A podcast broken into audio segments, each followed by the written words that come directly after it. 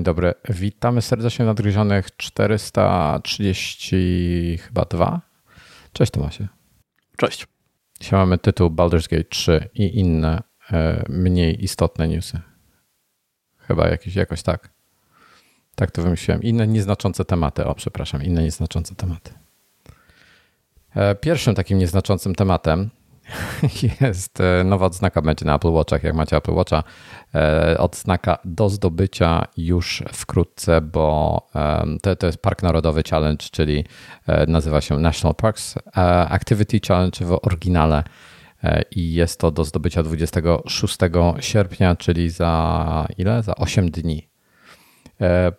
Oczywiście, jak, jak, zwykle, tradycyjnie dowolny 20-minutowy trening przez aplikację Workout na Watch e, OS-ie, ale czasami, znaczy, niektórzy nie, e, powinno działać inne aplikacje, e, wykorzystywanie innych aplikacji, które wykorzystują Workout API, ale nie zawsze to działa i lepiej jest wtedy skorzystać z po prostu Workout.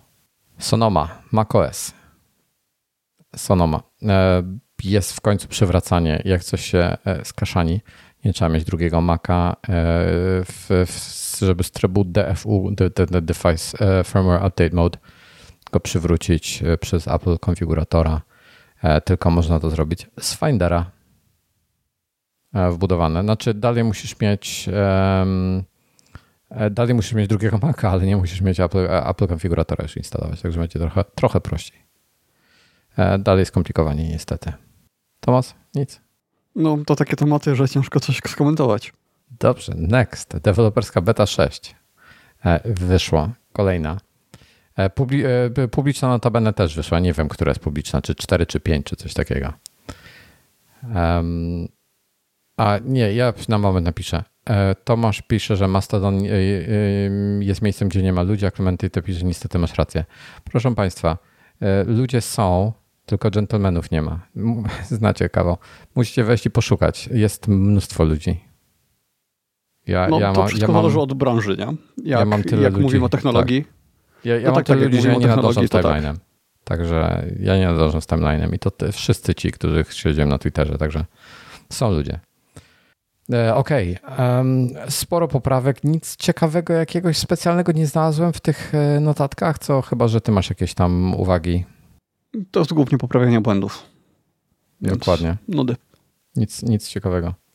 E, dobrze, następny temat. Mamy raport, że e, ja mam z tym ra raport problem, bo z, z, tymi raportami ogólnie mam problem, bo każdy raport mówi co innego. I to tak, jest są takie. Sprzeczne?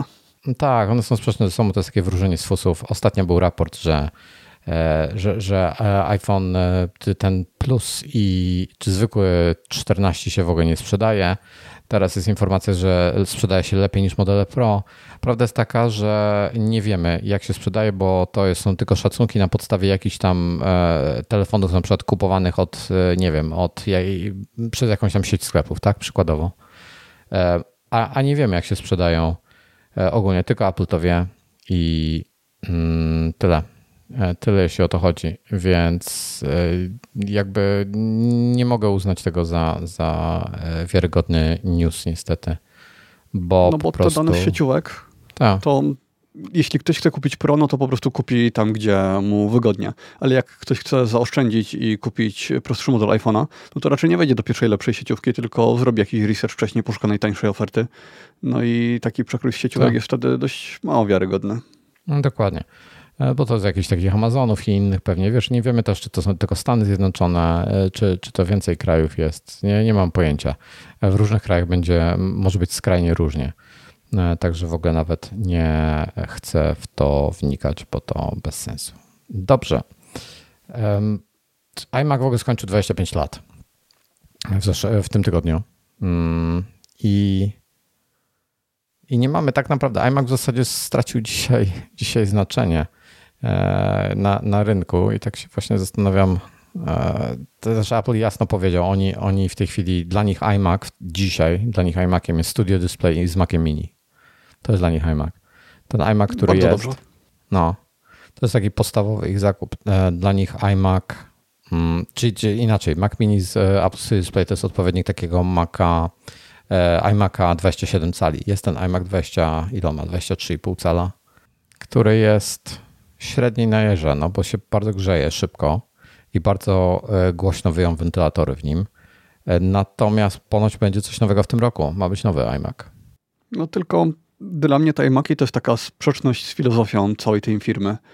Oni chcą być tacy ekologiczni, a jednocześnie robią komputer, który jest absolutnym zaprzeczeniem, gdzie komputer musisz zmienić y, razem z monitorem, kiedy tak naprawdę ten monitor jeszcze przez 7 lat byłby dobry. I teraz jak się to recyklinguje trochę bardziej, no to to traci na znaczeniu, no ale wciąż. To jest to, no ale minimalizm, tak? Kupujesz jeden komputer, masz jeden kabel zasilający i nic więcej. Mhm. Wszystko inne, no to to jest taki ten ich minimalizm, tak? E, no, no właśnie. I, I ja lubię iMaki ogólnie, bo to jest fajne, tak? Masz taki jeden cienki, mały komputer, tylko z drugiej strony mm, na przykład to, co Microsoft zrobił ze Studio Display, bardziej mi się podoba. Studio Display? Z nie ze Surface. Studio Display. Czy jak on się nazywa? Surface Display? Nie. Surface, nie, nie, Surface Studio, o. Surface Studio.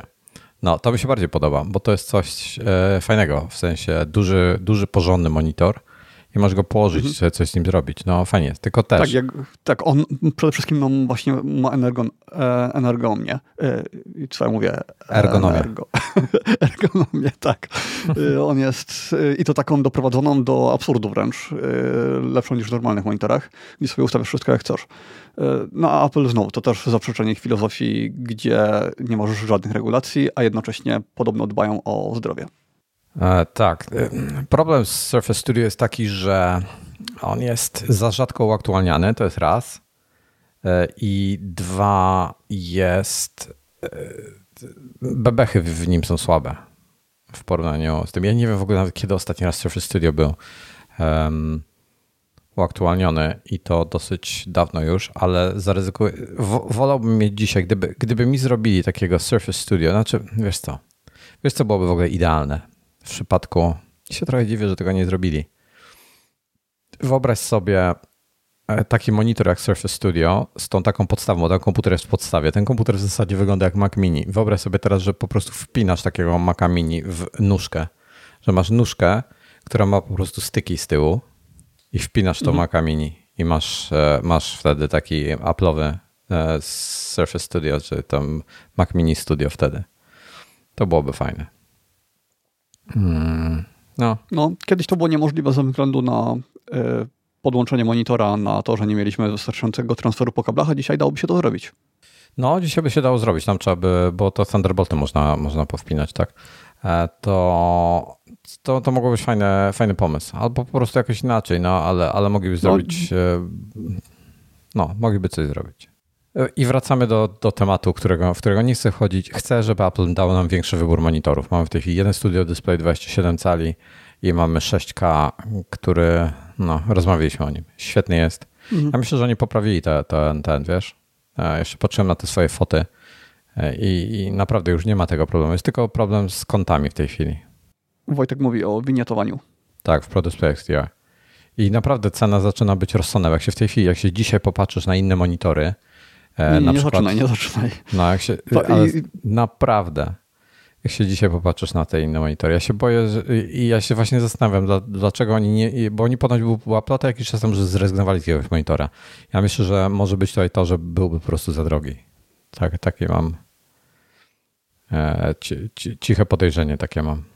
No nic, zobaczymy, co będzie z iMaciem. Tak naprawdę on trochę umiera. E, Mac Mini w tej chwili jest tak dobry, że, że, że no, może on nie ma sensu.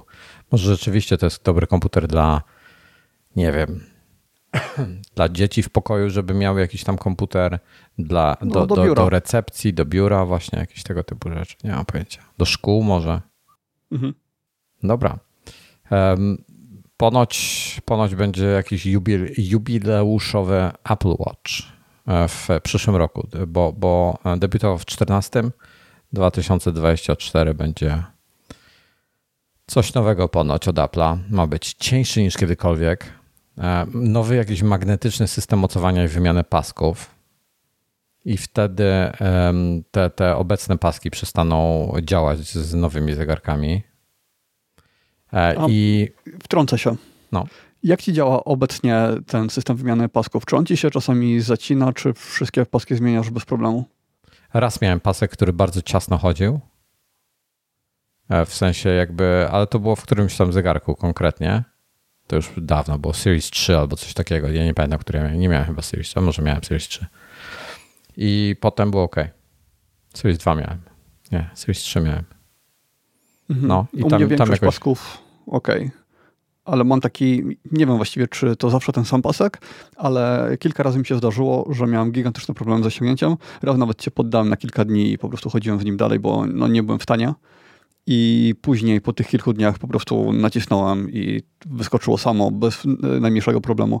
Więc u mnie to działa jakoś tak dziwnie i nie wiem, czy tam jakiś paproch mi się do środka dostał do tego mechanizmu, czy co, ale też za bardzo nie ma jak się tam coś dostać, więc mo może starość już, Proszę. może gdzieś tam farba trochę odchodzi. Że tam się trochę kurzy potrafi dostać. Natomiast e, tak jedną rzecz zauważyłem. On jest tak skonstruowany, ten, ten tego nie, nie, nie pokażę teraz tutaj, ale generalnie jest to takie oczko, w które wsuwasz ten pasek, prawda? Jeżeli go mhm. naciągniesz, jeżeli go jakby tak, tak, jeżeli jest jakieś naprężenie w którąś stronę, w górę lub w dół, jak naciskasz przycisk, na przykład go odchylasz lekko, jak naciskasz przyłącznik, to on się wtedy blokuje i nie chce wyjść. To zauważyłem czasami, mhm. a tak delikatnie, więc może gdzieś tam coś rzeczywiście, wiesz, jakiś zbieg okoliczności miałeś i e, ta, ta, tak to wygląda. No nie wiem, ma być jakiś magnetyczny system wymiany mocowania, mocowania i wymiany pasków i to ma ponoć pozwolić na większą baterię e, i ma być jeszcze odchudzony o połowę. To sporo. E, aha, i ma być mikroLED. Ten czujnik ciśnienia krwi, na który czekamy też ma się pojawić. Zobaczymy. Bardziej czekamy na ten, na czujnik, na glukometr, tak to się nazywa? To... Tak, ale jak po, jak tam próbowałem się o tym doedukować trochę więcej, to chyba to są jeszcze grube lata czekania, długie lata czekania. Yy, takie naprawdę długie, bo obecnie to, co mamy, jest gigantyczne. I zminiaturyzowanie mhm. tego do wielkości Apple Watcha to w ogóle się wydaje w tej chwili chyba niewiarygodne, a co dopiero, żeby to pomieścić razem z tą resztą elektroniki. Więc tam jakaś duża e, rewolucja technologiczna musi zajść jeszcze. Dobra. E, Disney Plus, e, ostatni news na dzisiaj. E, ma podrożeć. E, to jest w ogóle taka ciekawostka, to mi przypomniało o tym, ten, ten artykuł mi przypomniał o tym, że mi się skończył ten roczny abonament i w sumie nawet dobrze, że to przegapiłem, bo dobra, wiesz co, ja się zaloguję na swoje konto e, i powiem wam, jak to u mnie dokładnie wygląda, bo tak, tak, bo ja nie pamiętam, jaka była cena. Mm, dobra, to jest zresztą mój artykuł tutaj jest, już patrzę, już wam mówię, już wam mówię. Mm, nie chce mi się strona otworzyć. Dobra, teraz. E, to jest tak. 28,99 e, było miesięcznie. Taki był debiut. E, rocznie można było za 289,90, czyli dwa miesiące za darmo. To taki standard. Ale była jakaś tam oferta taka na dzień dobry, z której ja skorzystałem. Jak się, nie pamiętam właśnie, czy jak się wzięło, wzięło chyba rok z góry, czy coś w tym stylu. Tak było. Czekaj, payment no, musiałeś chyba, tam w preorderze trzeba było zamówić. Tak, tak, tak. I było 229,90. I zamówiłem za te 229,90 i to było 14 czerwca 22. E, e, I potem e, w czerwcu 23 zapłaciłem już 28,99 i tak zapłaciłem trzy razy w tej chwili, już 28,99. Um, I teraz tak. Jest e, i będzie podwyżka. Już teraz, teraz to jest istotne. E, słuchajcie, już e, podaję Wam szczegóły. Jest tak.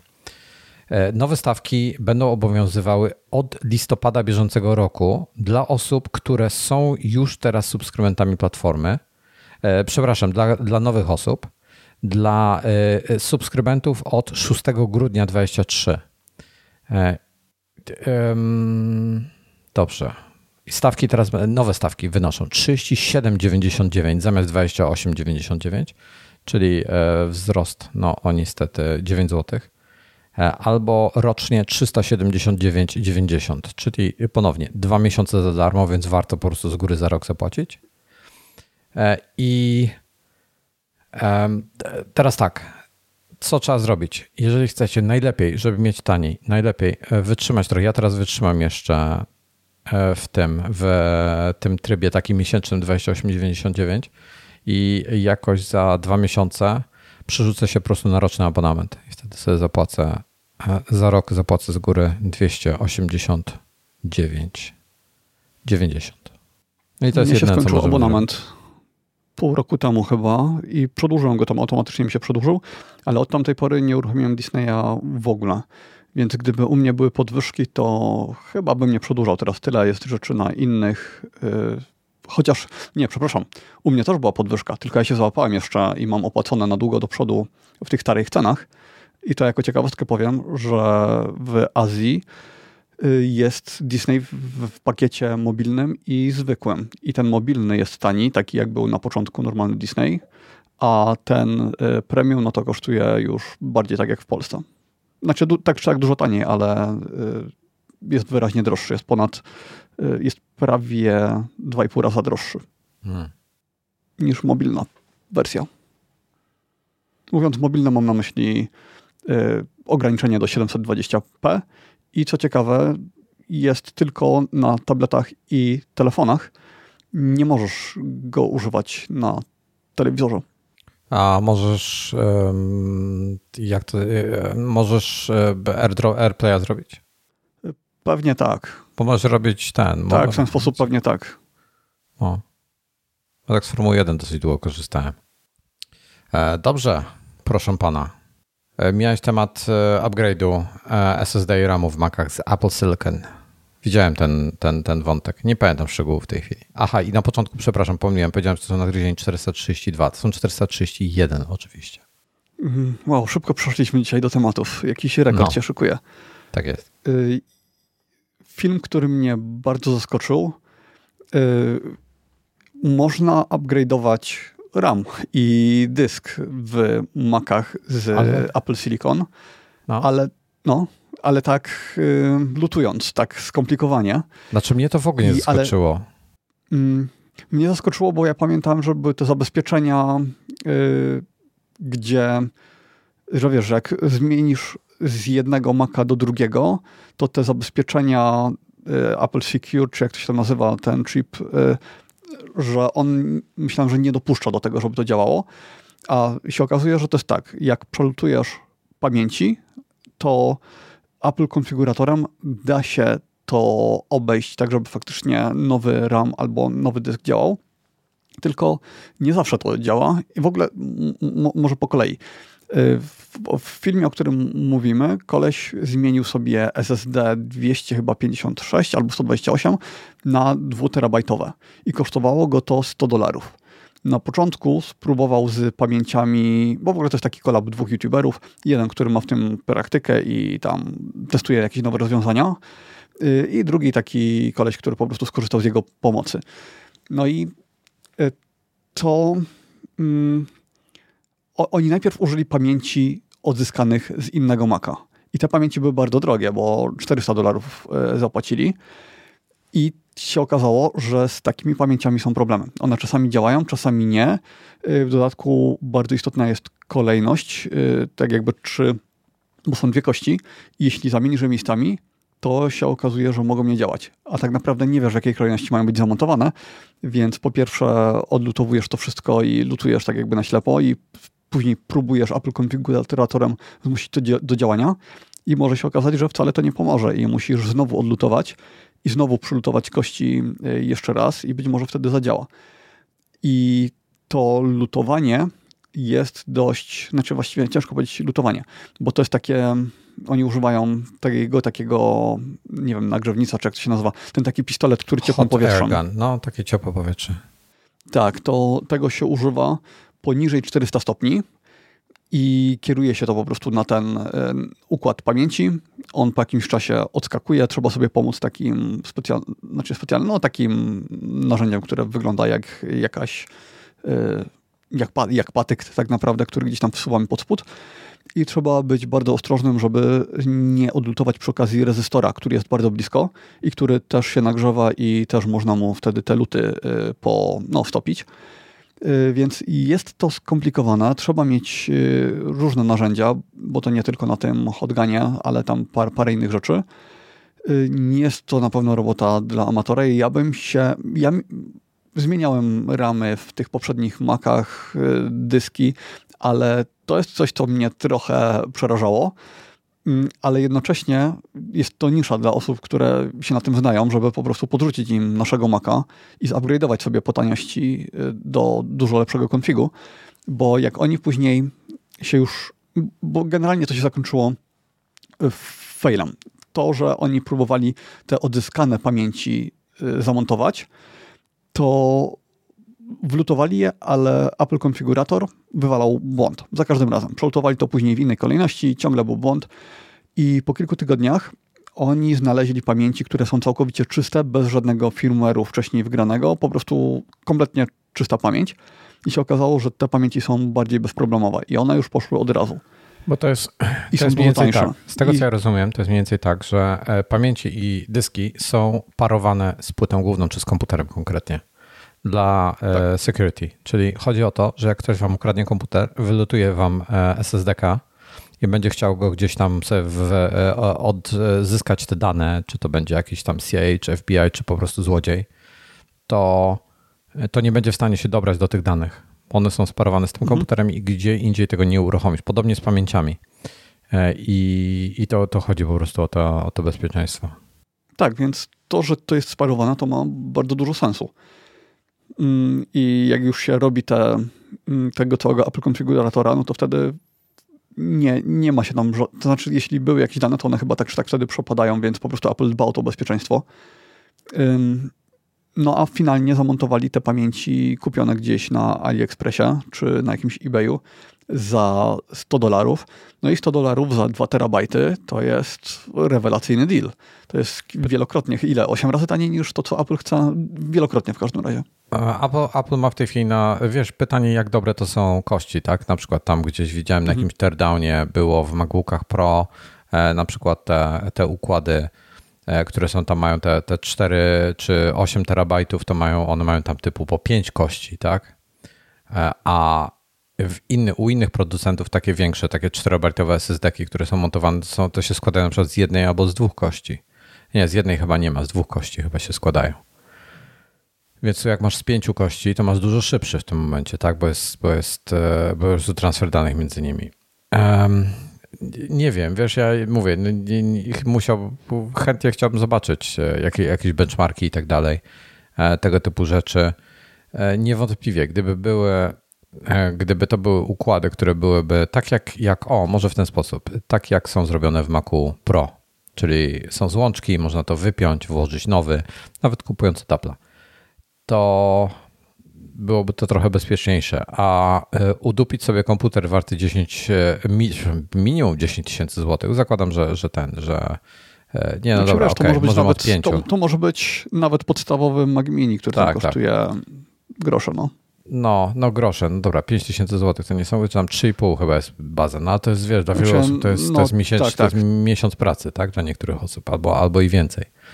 I żeby to upgrade'ować, i potencjalnie coś ci się skaszani, ktoś ci, ktoś ci tego, no bo wiesz, no bo nie, nie zawsze będzie perfekt, tak? E, to mhm. tak, i co, ja trochę rzeczy lutowałem w swoim życiu i mi się, żebym się nie podjął. Nie podjąłbym się, bałbym się po prostu, że to skaszanie. E, mhm. To jest, to jest tak, że to wygląda jak lutowanie tego typu rzeczy, wygląda jak czarna magia, to jest proste jak wie, wiesz co, ale... To znaczy... No, no ale e, dla osoby, która nie jest w to wprawiona, wiesz, która nie robiła tego setki razy albo tysiące razy, to po prostu to jest tak łatwo coś skaszanić. To znaczy, bo ja mam wrażenie takie, że y, ten proces, on wymaga sprzętu konkretnego. Po prostu jeśli tego nie masz, to tego nie zrobisz. Natomiast y, sam proces być może jest prostszy niż lutowanie czegoś takiego bardzo małego, gdzie masz pinę obok siebie i musisz wycelować idealnie, ty tak naprawdę celujesz ten pistolet z kilku centymetrów i, i tyle. I to odskakuje samo.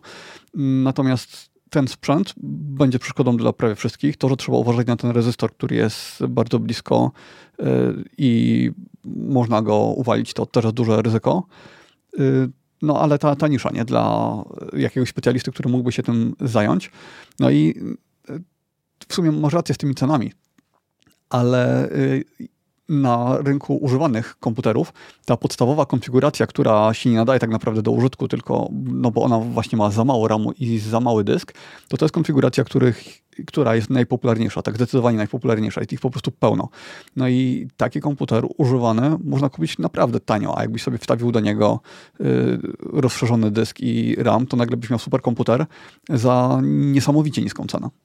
Zaraz zobaczę. Mac Mini M1 e, wygooglam używane, po ile to chodzi, bo jestem, kurde, mm, aż Allegro jest tak dobijające w tej chwili. Za każdym razem, jak wchodzę, pyta się mnie o jakieś tam e, e, zgadzanie się na prywatność czy coś. Jest, po co? Odpowiedziałem, dajcie mi spokój. Może jakaś wtyczka blokuje. To ustaw 30... sobie na filtrach używane. Ustawiłem, że cena od najniższej. E, Mac Mini M1 tu jest tak, za 2000. Mm, teraz tak, nie wiemy na ile są one oczywiście sprawne, ale to są bazy, no to jest bazowe wersja 8 GB 256 i tu jest 2000, 2400, 2600, 3700 potem już jest, a tu już jest 16 GB RAMu, czyli 2600. Okay, to, u mnie, to u mnie można trafić poniżej 2000 zł, no ale tak czy tak, taka cena plus 100 dolarów za 2 terabajty i no, ten RAM by trzeba jednak rozszerzyć, więc to też dodatkowy koszt. No ale sam fakt, że da się to zrobić tą samą metodą, hmm. no to powiedzmy, w sumie nie wiem ile RAM kosztuje. Y, czy to też jest taka tania impreza, czy jednak dużo drożej, pewnie drożej. Y, ale tak czy tak, no niesamowicie to obniża koszty. Wiesz co, ciężko powiedzieć. Tak, tak, to, to prawda. Jak ktoś chce rzeczywiście po taniości, tylko wiesz, to to nie jest sprzęt, no, na, na który bym Musiałbyś mieć tego kolesia, który... Tak, no musiałbyś mieć tego kolesia, który wiesz, tak. że on się na tym zna, że robi to na co dzień, zawodowo, ma ten cały sprzęt i wiesz, że jak mu to dasz, to on tego nie zawali. No i potem wiesz, nie, a tylko nie wiem jak, jak z trwałością tego rozwiązania, na ile to będzie super trwałe, wiesz, coś zawsze może się skaszanić, tak? I musisz mieć jakiś backup w tym momencie, w sensie jak to padnie, bo nie masz żadnej gwarancji, nie masz nic. Więc musisz rzeczywiście mieć naprawdę jakiegoś dobrego kolesia najpierw po znajomości. Mhm. No, tutaj Marcin pisze, lutowanie to sztuka szczególnie hotgunem, szczególnie ustawienie układu, tak by trafić pinami, właśnie to ustawienie układu. To, to jest to, co jak spojrzałem na to, to jest w zasadzie ruletka.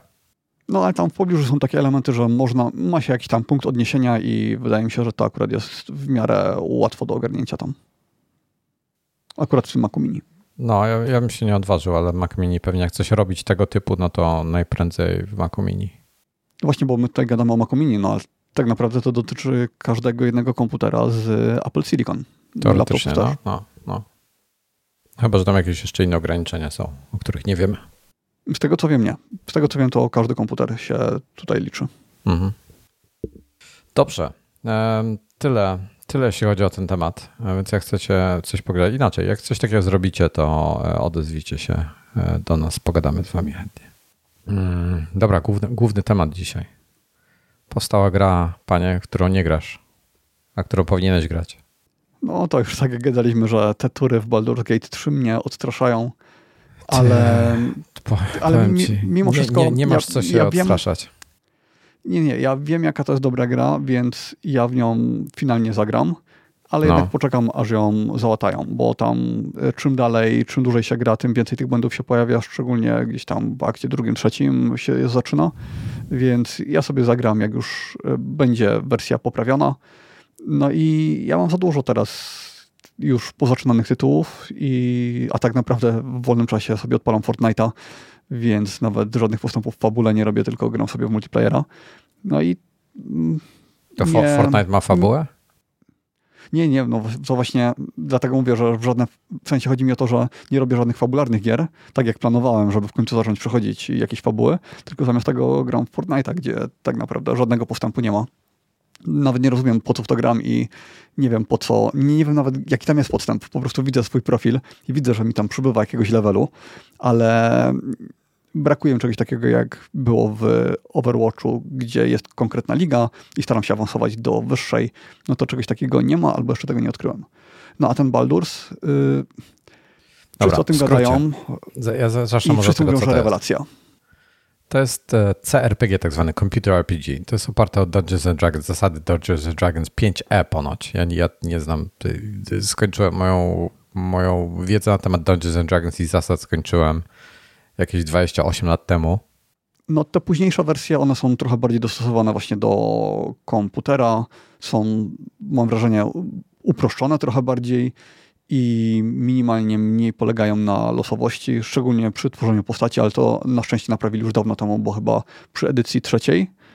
Yy, no tak, jeśli z Dungeons and Dragons jest tak, że jeśli się grało w jakiegokolwiek RPG wcześniej, to jest to w miarę jasne, ale jak się nigdy nie miało do czynienia z czymś takim, to się to wydaje absurdalne. Na przykład nie, ludzie nie wiedzą o co chodzi z rzutami kostką 2K4, 2K8, nie wiedzą jak to liczyć i Baldur z tego co wiem też tego nie wyjaśnia i dla nie takich wyjaśnia. osób to jest problem.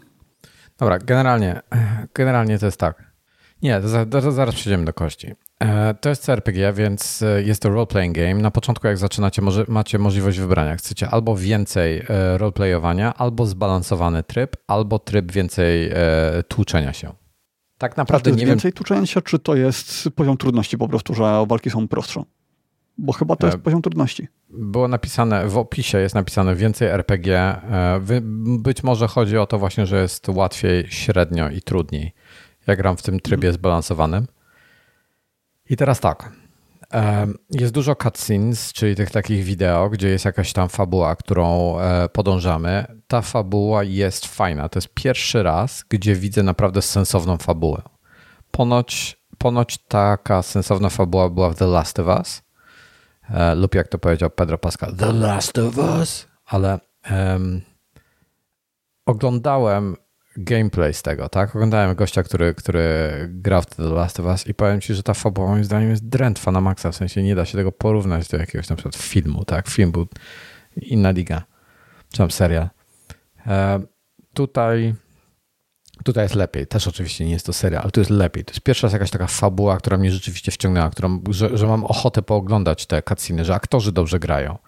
E, jest, jest to, jedna gra, jest to która, jest jedna gra, która realizowała kascenki czy tam przerywniki filmowe lepiej w ostatnich latach, no i to jest Cyberpunk, gdzie dodatkowo miałeś też taką jakby choreografię tych y, cutscenek, gdzie ludzie poruszali się po scenie w trakcie cutscenek, y, ruszali rękami w odpowiedni sposób i, i tak dalej. Y, tego w Baldursie nie ma, ale same sama fabuła podobno jest ciekawa, nie? I jest, nie ma questów takich zapychaczy typu zabij szczury, tylko wszystkie zadania podobno mają sens i są ciekawe i prowadzą często do jeszcze dużo ciekawszych zadań. W sensie zaczyna się od czegoś prostego, a później to zmierza w kierunku jakiegoś superquesta. E, znaczy w ogóle jest tak, jest, jest strasznie dużo takich zadań, które do, dostajesz zadanie i masz wrażenie, że musisz je wykonać, tak? Bo jakiś tam, nie wiem, kurde, druid e, cię o coś prosi ale prosicie o coś. E, ja, ja wylosowałem e, Paladyna, tak? E, więc mam tam złożone jakieś tam przysięgi, że będę prawy i będę bronił cnót, dziewic i tak dalej, jakieś takie bzdury, tak? No to gram sobie, tak? Roleplayuję taką postać. I jako ciekawostkę podpowiem, możesz zagrać paladynem, który złamał swoje przysięgi. Wtedy się robi całkowicie inna gra. Więc tutaj zależy, to, tą grę można zagrać przynajmniej kilkanaście razy i za każdym razem inaczej grać i będzie inna gra. I teraz tak. I, I masz tą taką na przykład druidkę, tak? I możesz jej pomóc, możesz się jej sprzeciwić, możesz ją zabić, możesz tego. I, I nieważne, nawet jak ją zabijesz, albo czy będziesz ją śledził, albo się w niej zakochasz, obojętnie to gra będzie miała inna, inny tor, będziesz podążał innym torem. Jest tyle różnych możliwości, że jest to niewiarygodne. E, nie spodziewałem się um, aż tylu różnych kierunków możliwych do obrania. E, nie, nie chcę zdradzać nic, bo tam, żeby wam no nie tak, popsuć, jak będziecie grali. Wspomniałeś tą śmierć. I jest o tyle fajnie, że przenieśli z papierkowej wersji to, że z trupami możesz rozmawiać. E, w sensie, jeśli kogoś zabijesz, to możesz mu zadać pięć e, jakichś tam najważniejszych pytań i w ten sposób też posunąć fabułę do przodu. A to jest rozwiązanie problemu, które ma większość RPGów tak naprawdę, wszystkie Morrowindy i tak dalej, gdzie e, w momencie, kiedy stajesz jakimś wampirem, zabijasz ludzi i tak dalej, to tak naprawdę gra traci sens, questów nie da się wielu kontynuować, no to tutaj Baldur's to ma rozwiązane. E, tak, nie wiem teraz do końca o czym mówisz. O... Jak kogoś zabijasz, to jest y, umiejętność, czar, A, o tym mówisz, dobra, już. Okej, okej, okej, okej. Jak nie, jak ty, ja myślałem, że mówisz o, o którymś z członków e, mojej grupy. Nie, nie, nie mówisz o NPC-ach. O NPC-ach, tak. Dobra. No więc tak. E, fabuła jest świetna. W sensie trochę mi się nie podoba. Jest za dużo kosmosu w tej fabule, jeśli, jeśli wiesz co mam na myśli, nie chcę zdradzać tutaj. E, natomiast natomiast ogólnie, ogólnie świat jest genialny, bardzo mi się podoba. Wątek jest, no wszystko mi się podoba. E, co ciekawe, możesz nawet, e, bo masz ileś tam, masz swoją postać, tą, tą główną, którą grasz i do ciebie dołączają inne postacie. Możesz oczywiście grać w multiplayerze, do czterech osób może grać, ale jeśli, jeżeli grasz kampanię, jeżeli grasz singleplayera, to dołączają cię do ciebie, do ciebie e, różne postacie. E, z którymi wchodzisz w interakcję. Możesz je pogonić, możesz nie mieć, jak nie chcesz z kimś mieć nic wspólnego, to możesz nie mieć. Jak chcesz, ta osoba może do ciebie dołączyć. I możesz potem, potem będziesz miał w pewnym momencie więcej niż czterech towarzyszy, ale możesz tylko z trzema e, podróżować, czyli grupa może mieć maksymalnie czterech oso cztery osoby, reszta tam zostaje w e, kampie twoim. I no, możesz się dobierać. Mhm. Możesz chodzić w relacje romantyczne z różnymi postaciami, jak chcesz. E, więc to wszystko od ciebie zależy, czy będziesz tam, czy, czy ktoś tam się stanie twoim chłopakiem, czy dziewczyną, e, jak chcesz. E, wszystko jest możliwe tutaj. Jest po prostu niewiarygodna, nie, niewiarygodna liczba możliwości. To, to, jak możesz sobie utorować drogę, na ile różnych sposobów można dotrzeć to samo miejsce, jest, jest niepojęte dla mnie. Ten obóz to też ciekawa kwestia, bo mm, fajne jest to, że dzięki temu tak naprawdę y, wszystkie osoby, które spotykasz na swojej drodze, które chcą dołączyć do twojej drużyny, to nie jest tak, że odsyłasz je z kwitkiem i później nie wiesz, gdzie ich szukać, tylko oni trafiają do tego obozu i możesz sobie rotować, raz wybrać maga, który ci pasuje do wykonania questa, później jakiegoś złodzieja. I...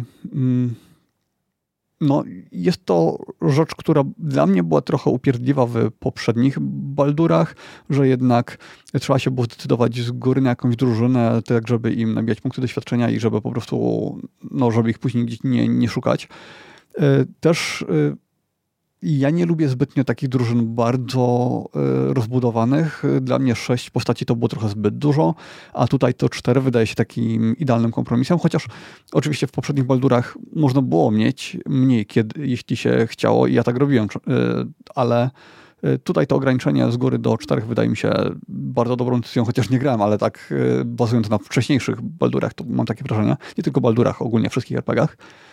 Więc to, co ty mówisz i to, co mówią wszystkie inne osoby, no to potwierdza, że to jest rewelacyjna gra, w której wszystko prawie jest dopracowane na maksa i kusi mnie to bardzo. Mm, więc kiedyś też na pewno zagram, ale no to nie, nie prędko. No właśnie muszę powiedzieć, że naprawdę bugów jest prawie, prawie tyle co nic. E, nie, nie spotkałem się z jakąś, e, jakimiś takimi dramatycznymi bugami, które by mi coś e, utrudniły. Jak ty kupiłeś grę, to już w ogóle bardzo dużo ich załatali, bo y, pierwszy patch tam łatał, nie wiem, kilkaset błędów, już nie pamiętam, 300, 500. Później kolejny wyszedł, który załatał bardzo dużo i widać, że dość szybko to łatają. Wczoraj wyszedł czym, hotfix czwarty. No, przy czym y, właśnie podobno w tych dalszych aktach jest zdecydowanie więcej bugów. W każdym razie, jakość gry jest niesamowita. Um, szczerze, nie wiem, czy kiedykolwiek w życiu widziałem tak dobrze przygotowaną grę. Czy to nie jest najlepsza, najlepsza gra jakakolwiek, kiedy wyszła pod względem jakościowym, pod względem zadbania o detale, o e, głębie całości, o e, no w zasadzie o każdy aspekt, tak? Od, od grafiki po, e, po właśnie jakieś naj, najmniejsze detale, po fabułę i tak dalej. No jest, jest niesamowita. Mm, Diablo przy tym jakby gameplay w Diablo e, mówię tu na podstawie Diablo 1, 2 i 3 w czwórkę jeszcze nie grałem to jest to jest to jakby tam to była gra dla dzieci a to jest taka poważna poważna, poważny tytuł, taki wiesz. Tak no ale to jest gameplay tak poziom. jakby porównywać szachy do tenisa, nie? To zupełnie jedno z drugim ma wspólnego tyle, tyle co nic. No, w Diablo po prostu naciskasz przycisk i ciśniesz przed siebie, a tutaj to tak naprawdę ta walka jest tylko dodatkiem, a liczy się fabuła. Znaczy wiesz co, słuchaj, walki wbrew pozorom są takie, są długie. Ja powiem ci, że teraz jak, mm, nie powiem no, gdzie to, byłem. To mnie zniechęca. To, to akurat mnie zniechęca, że pojedyncze walki potrafią trwać ale to, długo, ale... ale... to jest Larian, nie? W sensie oni tak robią. Ale wiesz co, to jest fajnie. Ja też, ja, mi się, ja ci powiem, jak, jakiego ty Baldur's, jakie ty, ty, tego typu RPG z turowymi e, grałeś wcześniej? Y, znaczy, no przede wszystkim grałem w Divinity, więc to jest, Baldur jest, y, bazuje na Divinity. To jest taka trochę Divinity w zmienionej formie. Mhm, nie znam. System walki jest wzięty właściwie z Divinity.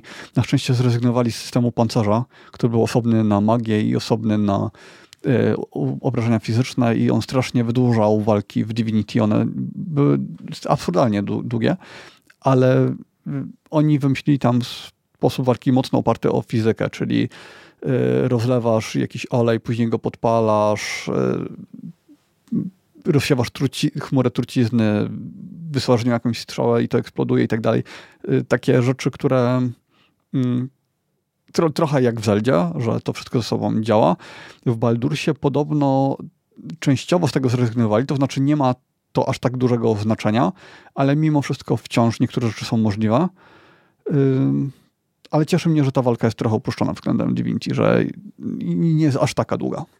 A powiem ci, że super jest, jeśli wiesz, po prostu taktyka, tak? Taktyka w tej walce jest niesamowita. Powiem ci tak, e, wiesz, e, największa wada jest taka, że autosave nie działają często automatycznie. Musisz sobie sam sobie, musisz pamiętać, od razu powiem F5. F5 to jest tak, ale... ręczny autosave. Róbcie ale często autosave. To jest quick save. Y, to jest quick ciekawe save. o tyle, że możesz go zrobić w każdej chwili, nawet w trakcie walki, w trakcie tak. dialogu tak. i jest wczytywany dokładnie w tym miejscu, w którym tak. go zrobiłeś. Ja Poza chyba bym grał w taki sposób. O, to, no, to dopowiedz. Właśnie nie pamiętam w tej chwili. Jak sobie przypomnę, to ci powiem. Ja chyba bym grał w taki sposób, że nie wczytywałbym save'ów, to znaczy gdybym ktoś zginął, abym nie chciał, żeby zginął, to bym grał RPGowo i po prostu pogodziłbym się z tym, że on nie żyje. Tym bardziej, że Baldur's bardzo mocno umożliwia taką grę. Po prostu to, że coś pójdzie nie po twojej myśli, no to sprawia, że fabuła się toczy w in, innym torem, ale nie, że jest gorsza, jest po prostu inna. I to jest ta rzecz właśnie, w której dużo RPGów y, kompletnie sobie nie radzi, a Baldur's robi to podobno świetnie. Ja nie pamiętam właśnie, jaka to była gra dawno temu, już grałem coś i coś zrobiłem właśnie, wiesz, czego nie powinienem był robić E, zgodnie jakby z możliwościami gry. Kogoś tam zabiłem, kogo nie powinienem był zabijać i całkowicie rozstrzeliłem grę. W sensie nie byłem w stanie dalej grać, bo, bo nie było jakby ścieżki kontynuacji, bo jakaś tam postać, którą, która nie mogła zginąć, zginęła, tak? E, I mhm. nie pamiętam kompletnie, co to była za gra w tej chwili. E, ale, ale tutaj coś takiego nie istnieje. Tutaj, jak to mój kolega powiedział, nie ma złych decyzji. Każda decyzja coś tam zmieni w grze i będziesz mógł grać dalej. Ja powiem ci jako, jako taką ciekawostkę. E, wlazłem, kurde, wiesz, taka rzecz, nie spodziewałem się w ogóle. E, wlazłem w jakąś, tak, w takiej komnacie większej było ilość tam wrogów, nie powiem jakich, żeby nie zdradzać. I była jedna, jedna miejscówka taka wyżej położona. Wyżej, jak, jak, jak jesteś wyżej, jesteś łucznikiem, to masz e, przewagę. I tam wysłałem jedną ze swoich postaci E, żeby, żeby po prostu, wiesz, asystę, znaczy strzelała stamtąd. I gość, w ogóle nie pomyślałem w ogóle o tym, a z tyłu za tym miejscem była przepaść. Gość, który był dosyć blisko, wskoczył tam na górę, było na tyle nisko, że mógł wskoczyć, wskoczył tam na górę i ją pchnął i wpadła, wpadła w przepaść i zginęła natychmiast. Wiesz, w ogóle mindfuck, mm, tak? To dam ci podpowiedź, skoro nie grałeś z Divinity, to możesz nie wiedzieć, ale beczki możesz chować do ekwipunku. Beczki takie tak, wielkie tak, beczki. Tak jak na piwo na przykład. No więc y, możesz wziąć taką beczkę ze sobą, możesz wziąć ich całą serię i później postawić gdzieś w innym miejscu, wejść na nią i dzięki temu wspinać się na różne miejsca, w których normalnie nie masz dojścia. Tak, wiem. I to też służy do stawiania łuczników na wyższej pozycji, żeby mieli bonusy do, y, do statystyk. No, e, walki są fajnie zrobione, wiesz, w sensie są nie są na tyle długie, że cię nużą, ale są na tyle e, długie, że masz, masz fajne poczucie, że to jest strategia, wiesz, że, że to jest po prostu taka strategiczna rozgrywka jak go tutaj załatwisz. Masz czas na to, żeby się zastanowić, podjąć decyzję e, i, i, i wykonać jakiś tam ruch, tak? Trochę, właśnie trochę takie jak takie połączenie szach z Diablo. Bardzo, bardzo fajne, bardzo mi się podoba. Forma no i skoro grasz to pewnie y, masz też w miarę w miarę łatwo ci jest przebrnąć przez te walki, pewnie nie musisz często ich powtarzać. To jest jednak postać taka dość e, potężna chyba od samego początku. Nie musisz czekać e, na jakiś wysoki level, żeby w ogóle granią stała się ciekawa, bo tak na przykład jak w przypadku magów, gdzie dopiero od któregoś poziomu zaczynają się ciekawsze czary i jakaś tam ich większa potęga, to w przypadku Paladyna e, jest chyba tak, że od samego początku jest już taka gra równa, przyjemna. Y, przynajmniej tak było w poprzednich Baldurach, ale słyszałem też o tym Baldurze trzecim, że właśnie Paladynem się gra od samego początku y, bardzo wygodnie. E, dobrze mi się gra. Jestem e, elf, e, elf, paladyn, high elf jestem, nie, nie wood elf. Dobrze mi się gra, powiem ci. Jestem na razie tego. Na pewno będę grał wielokrotnie w tą grę, w sensie przejdę ją, ją wielokrotnie, przejdę ją. E, na, następną postać będę grał chyba rogiem. Potem trzecią postać to pewnie jakiś, jakiś magiczny, jakaś magiczna postać, nie, nie wiem, która jeszcze. Mm, na pewno będę chciał paladynem zagrać Oathbreakerem, czyli tym, co, tym złym paladynem. Nie wiem, zobaczymy, no. Zobaczymy. No to chyba z tysiąc godzin y, byś musiał poświęcić, żeby no. tak po kilka razy poprzechodzić. Tak. Y, no ale tak, no skoro już poprzednie Baldury dla mnie były interesujące, przechodzić je w kółko, no to w takim Baldurze właśnie tego się też trochę obawiam, że to jest taki Baldur, który mógłby mnie wciągnąć na kilka tysięcy godzin. Powiem ci, że tak mnie właśnie zastanawia, czy fajnie byłoby, fajnie byłoby, to byłaby fajna gra, żeby pograć na Steam Decku, żeby mieć Steam Decka pod to. Nie, ma, no, nie będzie tego, no. wiesz, tego wrażenia, ale fajnie, że to możesz ze sobą zabierać. Mhm. Na, z tego, co tutaj widzę no, tam. No w sumie tak, bo, bo przecież w Baldura dwójkę, jak y, to grałem na iPadzie i y, fajnie mi się grało. No. E, trzeba się spodziewać półtorej godziny, na Steam Decku tylko tak wadę, Pół, półtorej godziny na e, baterii e, i detale medium i niektóre low. Także bez rewelacji. A, e, ROG, to jest ROG czy ROG? ROG Republic of Rogue Games, Ally. prawda? najczęściej słyszę ROG Ally. E, to na modelu Extreme w ogóle można te rogi Ally kupić w Polsce w tej chwili od ręki, mimo że w innych krajach są nie są dostępne. E, możesz zagrać sobie na Extreme, będziesz miał 40 do 60 fps, na Steam Decku około 20-30 i to jest 1080p. Mm, nie widzę innych tutaj szczegółów. Także mm, tak się zastanawiam nad tym właśnie, czy tego, tylko też to wiesz, to bez sensu wydawać kasę na konsolę tylko dla jednej gry.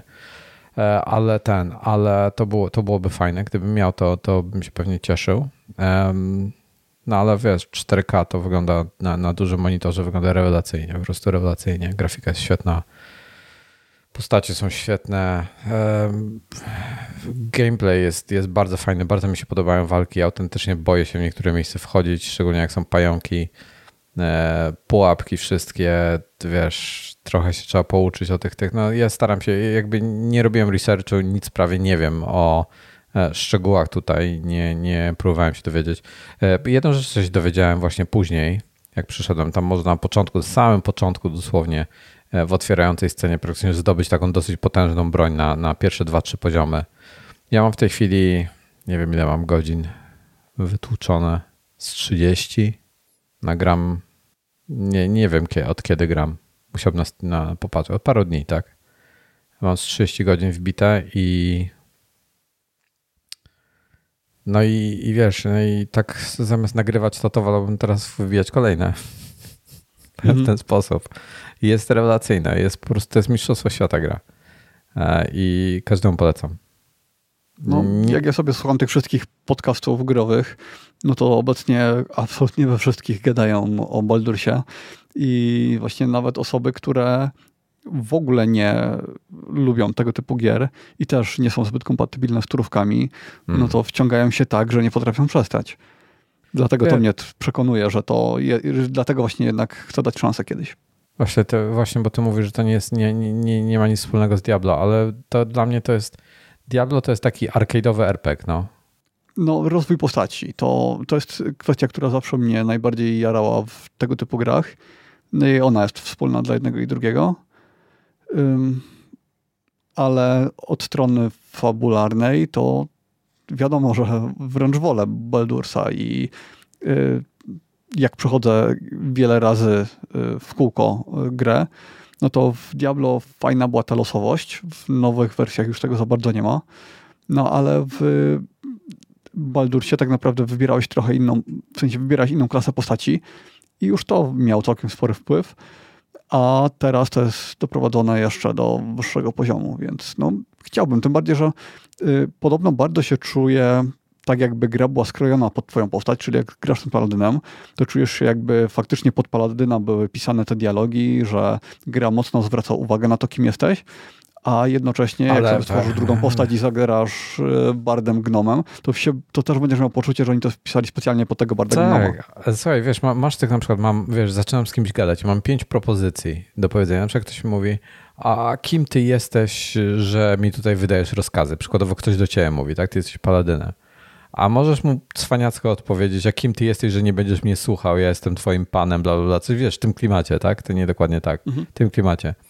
I albo, e, albo jesteś bardziej e, ponad to, co ktoś inny mówi, albo taki wiesz, e, bardziej, nie wiem jak to powiedzieć, bardziej rycerski. No tam w różnych formach są to odpowiedzi. I tam raz kiedyś tak na próbę wziąłem, wrzuciłem taki tekst, właśnie takiego cwaniaczka zagrałem, tak? Taki cwaniacki tekst. I ta druga osoba od razu, jak na paladyna, to masz nie, nie, niewyparzoną gębę, wiesz, coś w tym stylu, od razu poleciał tekstem, wiesz, no mm. po prostu jest tak fajnie zrobione. E, bardzo każdemu polecam w to pograć, bo, e, bo jest super. Można zawsze wybrać tą, tą opcję taką, tą lewą, jak bardziej e, ta fabuła interesuje od walczenia, no to tą, tą opcję pierwszą z trzech no mówię, ja zacząłem z tej, na tej zbalansowanej i mnie zastanawia, bo to tak, tak było napisane właśnie, że jak, jak wybierasz sobie więcej cutscene, więcej fabuły, druga zbalansowana, trzecia więcej walki. Ale, ale nie było nic napisane o poziomie trudności, więc e, nie wiem, e, co, co to tak naprawdę na robi. Pewno wy, na pewno wybór poziomu trudności jest, więc to chyba musi być to. No chyba, że jest gdzieś tam osobno w opcjach. Mnie w Baldursie bardzo się podobało to, że w zależności od tego, jaką klasą grałeś, to mhm. mogłeś coś posiadać w grze. E, na przykład jako wojownik, zamek, jako e, złodziej, gildię złodziei, przejąć kontrolę nad nią jako mag. To była ta sfera, taka, ta, ta kula, która się przemieszczała między wymiarami. I to było bardzo proste, ale bardzo mi się podobało, że w ogóle coś takiego wymyślili. Nie wiem, czy coś takiego jest w Baldurze 3. Mam ogromną nadzieję, że tak. Ja się jeszcze z tym nie spotkałem. No, gdyby było to pewnie gdzieś dużo, dużo później. A, okej, okay, dobra, czyli jest. Poziom trudności? E, to jest, to, to jest połączenie poziomu trudności i ilości cutscene. To jest tak, to jest tak napisane. To jest na stronie charlieintel.com. Nie, nie wiem, co jest za strona, pierwszy raz e, wszedłem. E, są trzy tryby trudności. Balanced, Explorer i Technician. A nie, to, to nie, to jestem na tym Explorer w takim razie. To, to jest coś źle chyba. Hmm. Czekaj, to jeszcze raz sprawdzę. Ba, uh, difficulty setting. to już, już wyglądam. Nie, dobra, jest OK. Czy jest Explorer, Normal albo Tactician. E, czyli ja gram, ja gram w normal. Tamten artykuł sugerował, o, można zmienić w ustawieniach e, poziom trudności na bieżąco, czyli jak chcesz podczas, e, podczas gry możesz sobie zmienić. To nie wiedziałem. I tu jest te, ten najtrudniejszy tryb powoduje, że wrogowie mają więcej hitpointów, HP, rzucanie tą no, kością jest bardziej, jest trudniejsze i y, powinno być tylko dla tych, którzy mają duże doświadczenie e, w RPGach tego typu, bo duży poziom skilli jest e, potrzebny. I teraz tak. tamten artykuł sugerował, że jak zmienisz tryb trudności na któryś z tych wyższych na przykład, to że masz mniej cutscene, właśnie tylko te, te niezbędne są, czyli mniej gadania. Marcin się pyta, czy da się w to grać na Macu. Tak, Marcinie, da się to grać na Macu. Premiera wersji Macowej jest lada moment, za tydzień lub dwa chyba. Wersja na PS5 może za miesiąc. Jest opóźniona. Tak, jest opóźniona. Y, na Macach z układami Apple Silicon podobno działa bardzo dobrze. Tak. E, więc jest e, PC dzisiaj, za dwa tygodnie jest PS5. Mac nie jestem pewien kiedy wychodzi, ale wychodzi też lada moment. E, I potem będzie w bliżej nieokreślonej przyszłości będzie Xbox dopiero. Więc... Ale jesteś pewny, że na Macu już nie ma? We wczesnym dostępie było. A... Hmm. Wiesz co, czekaj, wejdę, sprawdzę. Baldur's Gate 3.game i fajny adres mają. Już wchodzę. Nie, nie, o dobra. Nie, nie ma. E, a, bo jest Steam po prostu. Czy to jest kompatybilne z Maciem? Te, jakie jaja. Jeżeli urodziłem się 1 stycznia 2023, to nie mogę wejść na, e, na stronę Baldursa, bo mi pisze, wybierz e, datę, która ma sens. Ale to jest normalne przy wszystkich. Chodzi o to, że musisz mieć 18 lat chyba, żeby ci pokazało niektóre rzeczy, nie? Hmm. Tak, to można włączyć nagość w grze, od razu dodam. I jest seks i, i w ogóle. Um, nie widzę, gdzie, gdzie są techniczne wymagania w tej chwili? Hmm. Specs. Nie ma. Mac. O, jest System Requirements, macOS. Dobra, to, czyli teoretycznie jest na Maca już w tej chwili. Są wymagania w sensie, w sensie w, tak, na jest. Steamie. Windows i macOS. No, tak, to może i z tego co widzę, to kupuje się po prostu tą samą wersję i działa na jednym i na drugim. W sensie nie trzeba kupować osobno na Windowsa i osobno na Maca. Tak, ja zakładam, że ja mógłbym sobie zainstalować na Macu, prawda? Gdybym miał Steama. Tak.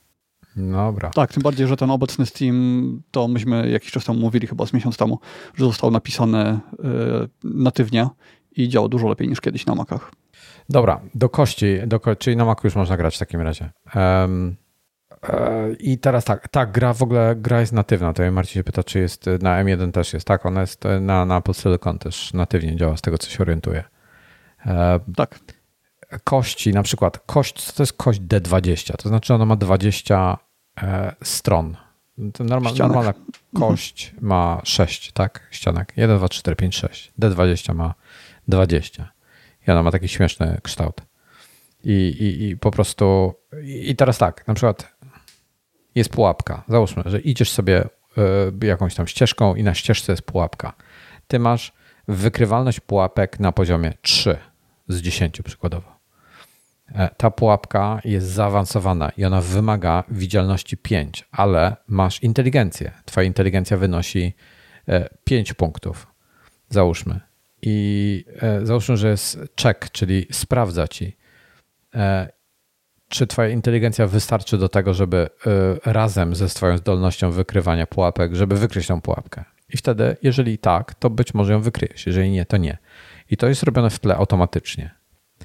Ale są takie, że musisz rzucić kością. Masz modyfikatory, możesz na przykład, jeżeli jesteś charyzmatyczny, bo próbujesz kogoś do czegoś przekonać, tak jakąś, jakiś dialog prowadzisz i masz tam opcję E, przekonaj kogoś, jest w nawiasie w tym momencie napisane persuasion. I w tym momencie będzie rzut kością. Jeżeli twoja charyzma w połączeniu z innymi twoimi cechami charakteru i postaci e, pozwoli ci wykonać tam jakiś odpowiedni e, rzut, typu na przykład zazwyczaj, z tego co pamiętam, to było typu 15 lub więcej, no to, to wtedy przekonasz tą osobę. Jeżeli nie rzucisz 15 lub więcej, to nie przekonasz tej osoby i w tym momencie dialog potoczy się w zupełnie innym kierunku, niezależnie od tego, co chcesz. E, więc jest to bardzo ciekawe. Może to bardzo mocno wpływać na różne decyzje. No tak, ale też z racji tego jest gigantyczna losowość. To znaczy, y, no po pierwsze ta kostka ma bardzo dużo ścianek, więc y, możliwy wynik może się od ciebie bardzo mocno różnić. No i mm, ładując save'a, tak naprawdę możesz rzucić kością jeszcze raz, podjąć te same decyzje, ale wylosować inne wyniki na kostce i fabuła potoczy się przez to zupełnie inaczej. Ja bym jednak wolał, żeby to było trochę ograniczone bardziej, ta losowość, no ale jest jak jest. Co jest, ja też... co się stanie, jak złajpujesz? Koniec gry? Powiedz mi to po polsku. Co masz jak, jak cię zabiją? Czy, jak, jak zabiją ci całą czwórkę? Bo ja nigdy no to, miałem... To chyba koniec. Bo ja nigdy nie doprowadziłem do sytuacji. Raz miałem sytuację, że e, tego, że, że straciłem typu dwie osoby. Już widziałem, że nie ma sensu i z, z, akurat miałem save'a typu pół godziny wcześniej. Sejwujcie często. I musiałem się cofnąć o pół godziny. Um, ale nie wiem, co by się stało. W sensie potem dopiero pomyślałem, że mogą zobaczyć, co się dalej stanie, ale nie, nie wiem, co się stanie, jak, jakby mnie wszystkich zabili. Mm, nie wiem, ale jeszcze co do tych rzutów kością, to dla mnie, pamiętam te moje pierwsze dni z jakimś tam pierwszym, nie wiem, czy to był Baldur's, czy coś innego, pierwsze Dungeons and Dragons yy, komputerowe. Ja wcześniej nie miałem żadnej styczności z wersją analogową, taką papierową. Więc jak ja zobaczyłem, że broń ma obrażenia 2K6, to sobie myślę, no pewnie to jest 2 do 6 i kompletnie nie wiedziałem, jak to czytać, i przez to nie miałem pojęcia, jaka broń jest e, lepsza, a jaka jest gorsza. No a 2K6 oznacza dwa rzuty kością sześciościenną, czyli od dwóch do, do 12, no bo może wypaść dwa razy jedynka, no i wtedy będzie dwa, a może wypaść dwa razy szóstka i będzie 12. I to na początku było dla mnie bardzo nieintuicyjne. I właśnie trochę szkoda, że Baldur's 3 też tego nie tłumaczy w żaden sposób. Próbuję znaleźć jakie, jakieś, jakieś źródło, um, jak rzucać tymi kościami, w sensie wy, wytłumaczenie, ale rzeczywiście nie, nie, nie ma czegoś takiego. E, natomiast tutaj są jakieś D&D, strona, która tłumaczy tylko, tylko i wyłącznie o tym, co to są. Do, dodam do tych, do opisu. Po angielsku jest, ale powinniście załapać, o co chodzi. E, dodam o, to przy okazji do... warto wspomnieć, że Baldur's jest po polsku w wersji kinowej. Nie ma dubbingu, ale jest, są napisy. I to było bardzo długie tłumaczenie, y, ba, bardzo długie i bardzo kosztowne. Co, co masz Dlatego też, y, w sensie bardzo dużo treści było do przetłumaczenia i gdyby chcieć to zrobić w wersji z dubbingiem, przetłumaczyć wszystkie głosy, bo tam jest w ogóle tak, że głos ma, wszyscy mają głos. Wszystkie zwierzęta, y, każda postać ma kwestie w pełni y, mówione. I gdyby chcieć to przetłumaczyć na wersję polską razem z aktorami głosowymi, to Rysław gdzieś tam wyliczył na swoim Twitterze, ile by to kosztowało. On ma firmę, która y, tłumaczy i tłumaczyła Baldursy, Diablo i mnóstwo innych gier, y, poprzednie Baldursy. No i wyszło mu, że już nie pamiętam dokładnie, ale w, w milionach było to liczone. Dlatego hmm. no, koszt byłby ogromny. Dlatego jest tylko wersja kinowa. E, tak, jeszcze jestem stronie na Steam w tej chwili, to jeszcze powiem tak, e, Baldur's Gate 3 kosztuje 249 zł i do tego jest DLC jeszcze e, Digital Deluxe Edition, bo jest jeszcze wersja Digital Deluxe taka pełna, e, czyli dostajemy tam wtedy jakieś figurki, jakieś inne bzdury, książki i tak dalej, i tak dalej, e, artbooki, to, to, to jest, jest cyfrowy Deluxe za dodatkowe 46 zł, 45,99, który też kupiłem. Mowa o wersji pecetowej. Tak, tak, tak, tak. tak. E, no, e, dokładnie. E, I wtedy między innymi można zmieniać wygląd kości, które się ma w grze. Miałem, dobra, będzie, dodałem linka do tych, do tych D&D dice, które są różne, są ogólnie, żeby zacząć grać w D&D potrzebujemy mieć D4, D6, D8, D10, D12 i D20. Standardowy, standardowy zestaw zawiera jeszcze drugie e, e, D10, które jest używane do percentile rolls, czyli gdzie e, liczy się, istotne są procenty. Niektórzy, a, nie, gamerzy, którzy nie chcą 6 razy rzucać na przykład kością D6, powinni mieć 6 kości D6. Wtedy 6D6 rzucasz. I tutaj są wytłumaczone, do czego są używane i tak dalej. No ale żeby grać chcecie... Baldura, to akurat tego w wersję cyfrowa gier, to akurat tego nie trzeba wiedzieć. Dobra, to teraz jeszcze podpowiem jedną ciekawą rzecz, bo e, to jest i na Maca, i na iOS-a, i na iPada chyba. E, już patrzę. Actionary tip, tak, dobra. E, znasz prawdopodobnie PC Calca, o którym rozmawialiśmy. Tak. To jest od Jamesa Thompsona. Bardzo fajny gość, świetny kalkulator. To on pracował kiedyś dla Apple'a.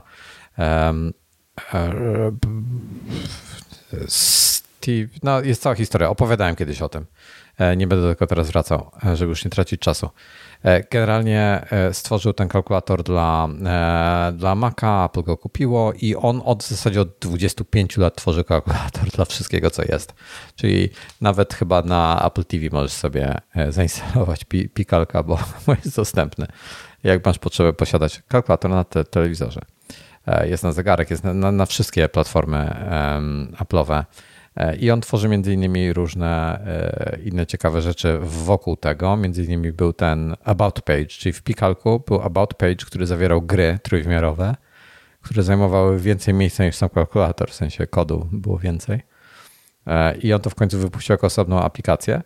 I wypuścił też nową aplikację, Dice by Picalc. I to jest aplikacja właśnie, to, to jest konkretnie stworzone dla, bo on razem z tam paroma znajomymi grają w Dungeons Dragons, planszową grę i żeby ułatwić sobie życie, mają po prostu aplikację na iPhone zamiast rzucać prawdziwą kością. E, mają aplikację na iPhone i tam możesz sobie wybierać jak chcesz i są właśnie takie kości, jakie potrzebujesz e, i aplikacja jest chyba domyślnie za darmo dostępna, więc polecam. E, dodałem linka do opisu. Dodałem wersję do Macową, ale jest też, nie, nie wiem czy to jest ten sam link, co będzie na iOS, ale jest też iOSowy. No, tyle jeśli chodzi o kości. E, nie potrzebujecie, oczywiście do, do, do Baldur's Gate 3 nie potrzebujecie. To, to, to jest do, jakbyście chcieli mieć tą, e, grać w e, tą planszową wersję. Powiem ci, Tomas, kurde, wiesz, nie odpuść wszystko inne, zainstaluj sobie to, zacznij to grać, bo teraz jest hype na to, po prostu i się wkręcisz, co lepiej niż później. A mm, Fortnite no Właśnie, akurat akurat tego, że mnie coś omija, to aż tak bardzo nie czuję, a chyba bardziej chciałbym pograć już tą wersję na maksa dopracowaną. Poza tym moglibyśmy y multiplayera pograć. No, ale chodzi o to, że ja poza tym Baldursem, po, poza tym Fortnite'em mam też dużo innych tytułów i one czekają na swoją kolej. Tą Zeldę chciałbym dokończyć, y, później kolejny sezon Diablo będzie.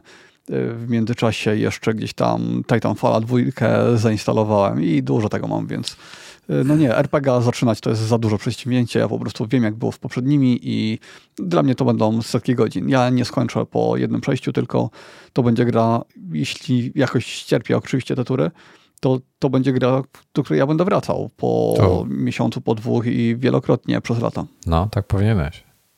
Dobrze zacząć teraz. Teraz tak, jako porównanie. Zelda jest świetną grą, tak? Jest w ogóle dla mnie jest niesamowite to, że taką grę jak Zelda stworzyli na takim urządzeniu jak Switch. To jest niewiarygodne, że jest tak duży świat. Ja tu mówię cały czas o Breath of the Wild, a nie o tym te, te, um, Tears of the Kingdom, ten nowym, który jest jeszcze lepszy. To jest niewiarygodne, tak, że oni coś takiego stworzyli na, na tak słabej platformie. Po prostu szok. No to, to to jest nic przy Baldur's Gate. To jest taka cienizna przy tym. I, i to, to jest takie poziomowanie. Jest tak Baldur's Gate, potem jest Zelda, która gdyby nie Baldur's Gate, to byłaby tutaj. I potem nie ma długo, długo, długo, długo nic. I potem jest jakieś tam dno oceanu. I tam jakieś Diablo 4 jest na przykład. Żartuję z Diablo 4, nie grałem jeszcze. Jestem ciekawy, jest w kolejce.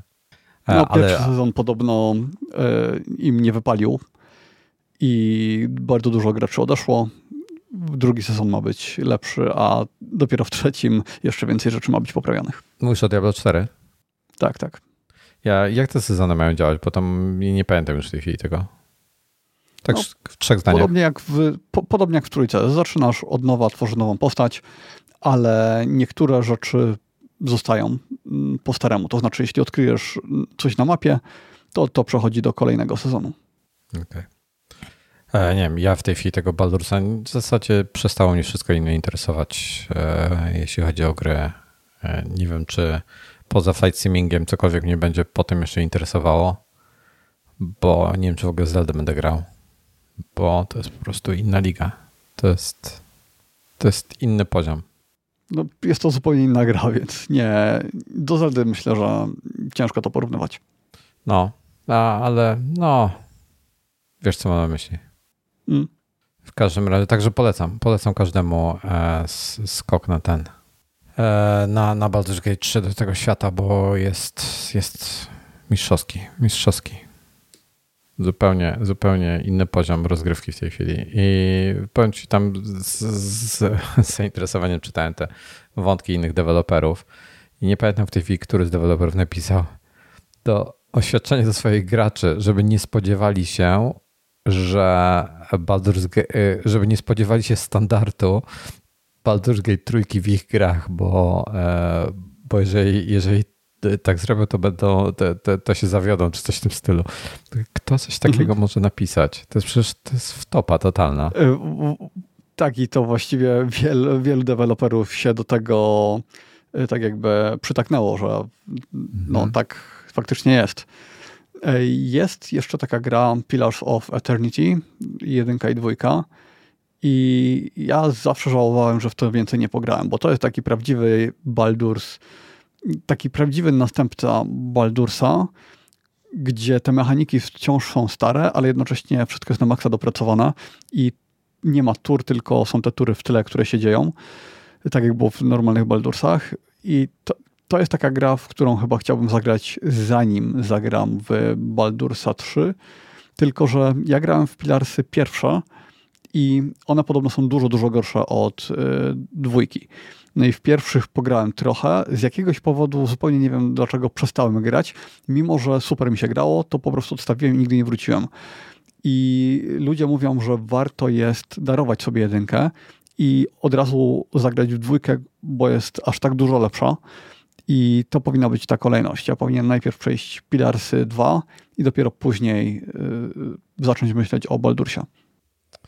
E, widzę, że news jest, że e, małe szanse, że będzie Pillars of Eternity 3.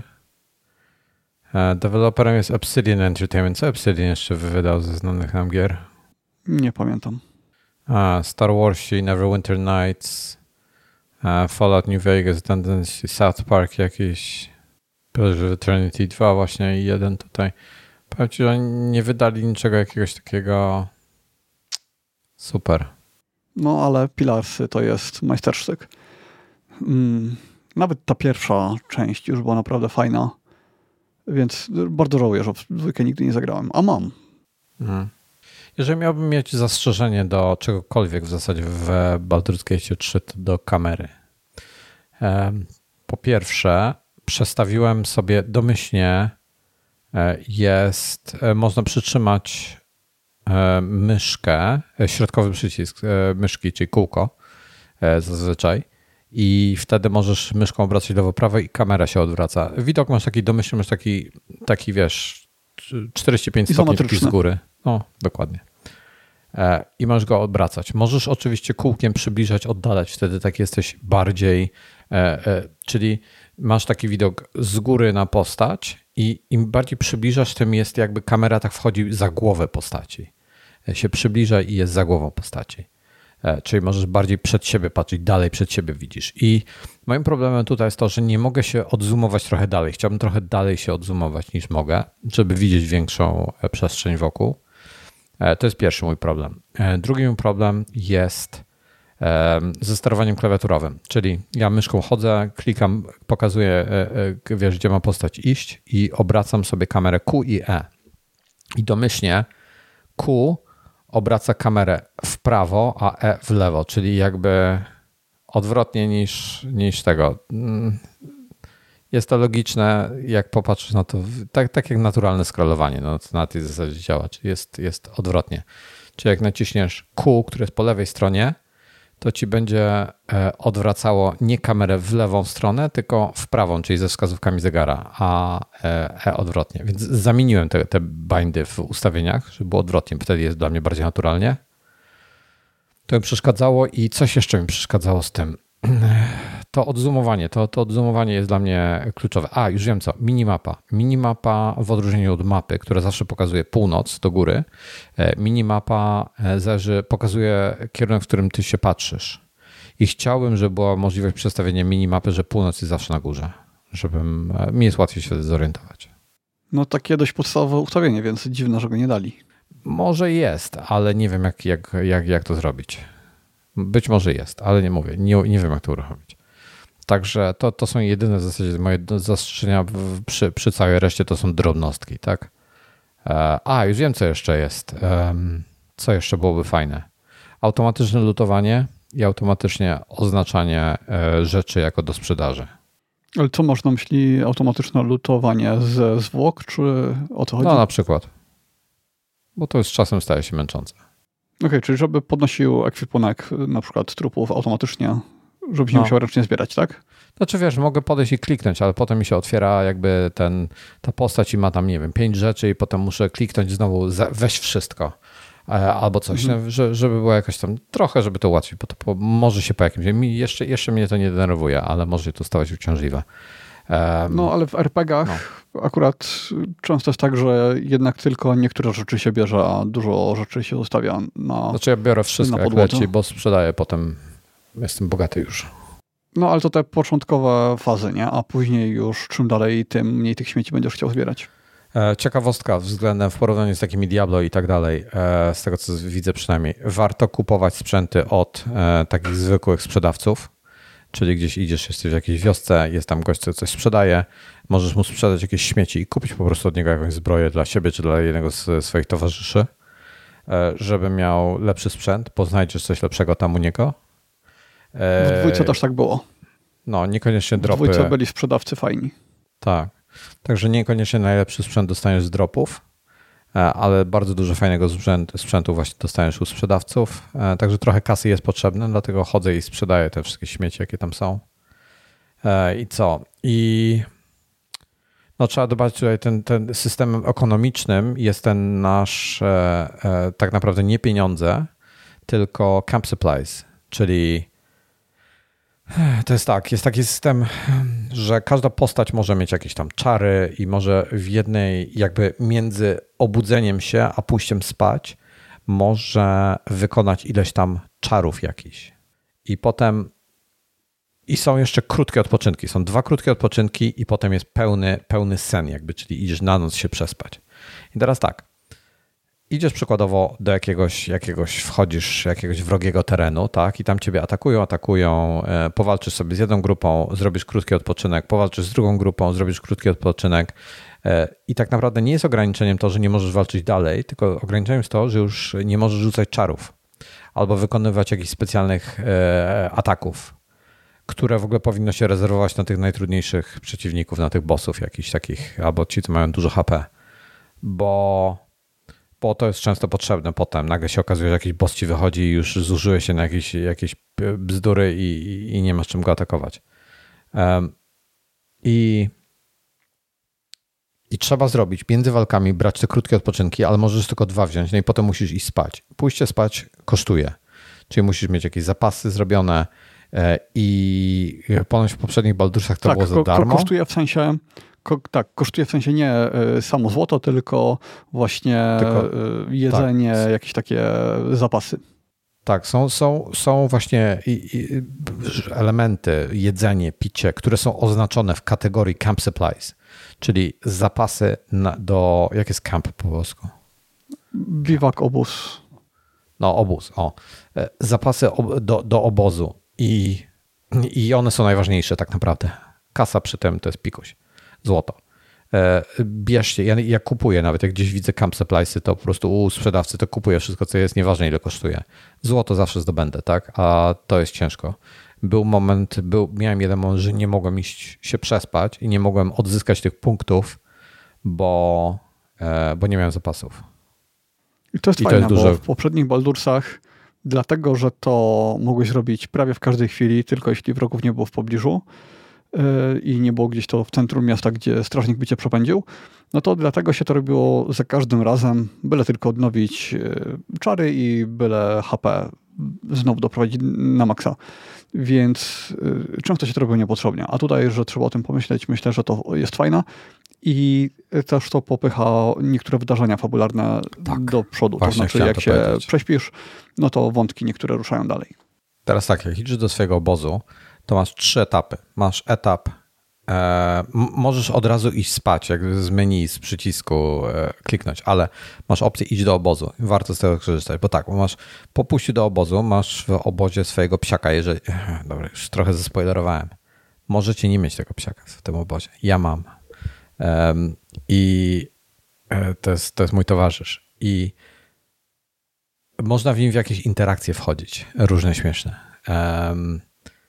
Jeżeli pójdziecie od razu spać, to te interakcje was ominą. Teraz tak, e, potem jest, potem się idzie, przygotuj się jakby do pójścia spać i wtedy zdejmujesz wszystkie zbroje, chodzisz sobie albo w tych swoich takich ciuczkach jakichś tam e, lokalnych, albo możesz na golasa nawet paradować, jak ci tak pasuje.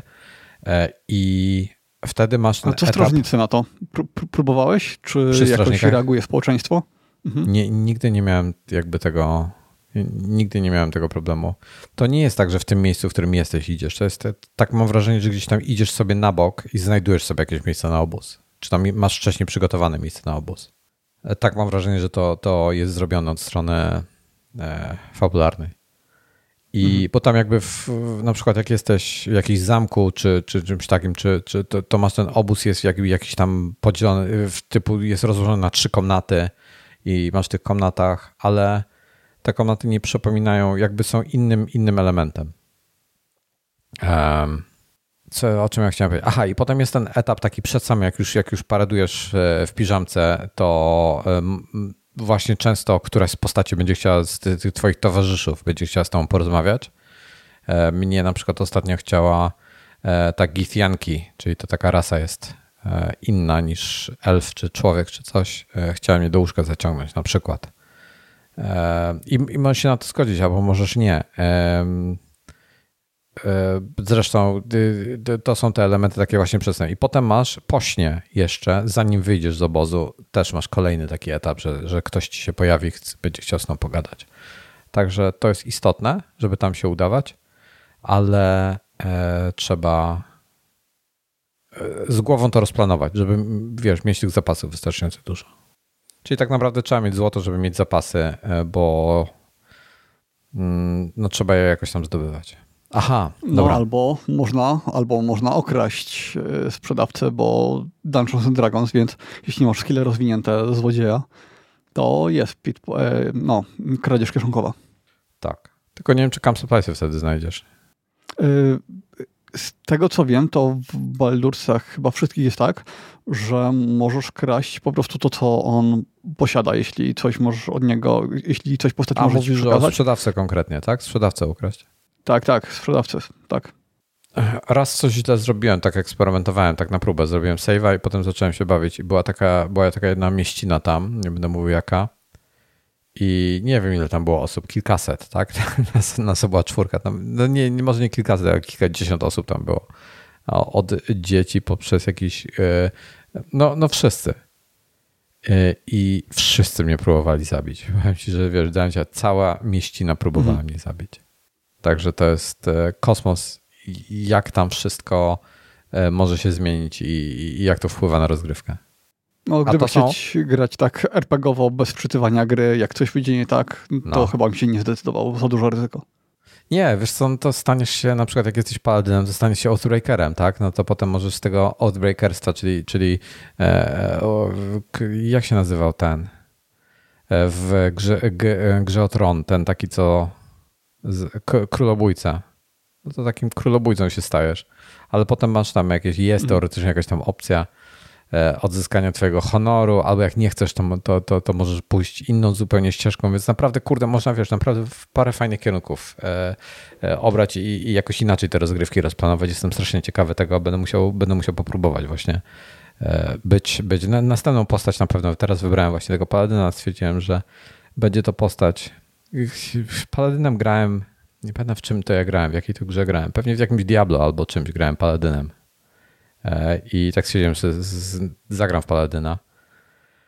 E, taką, taką po prostu rolę znajomą dla mnie. Natomiast e, na pewno Elf, Elfiego Roga będę chciał zrobić, będę chciał jakiego, grać jakiegoś takiego złego. Zobaczymy, co z tym będzie. No i będę chciał takiego naprawdę evil, evil grać, takiego naprawdę złego, złego. Zobaczyć, co z tego wyjdzie. Naciągnąć jakby możliwości gry. Nie wiem, wszystkim muszę polecić. E, przypomnę cenę 249 zł, DLC ekstra 46 zł.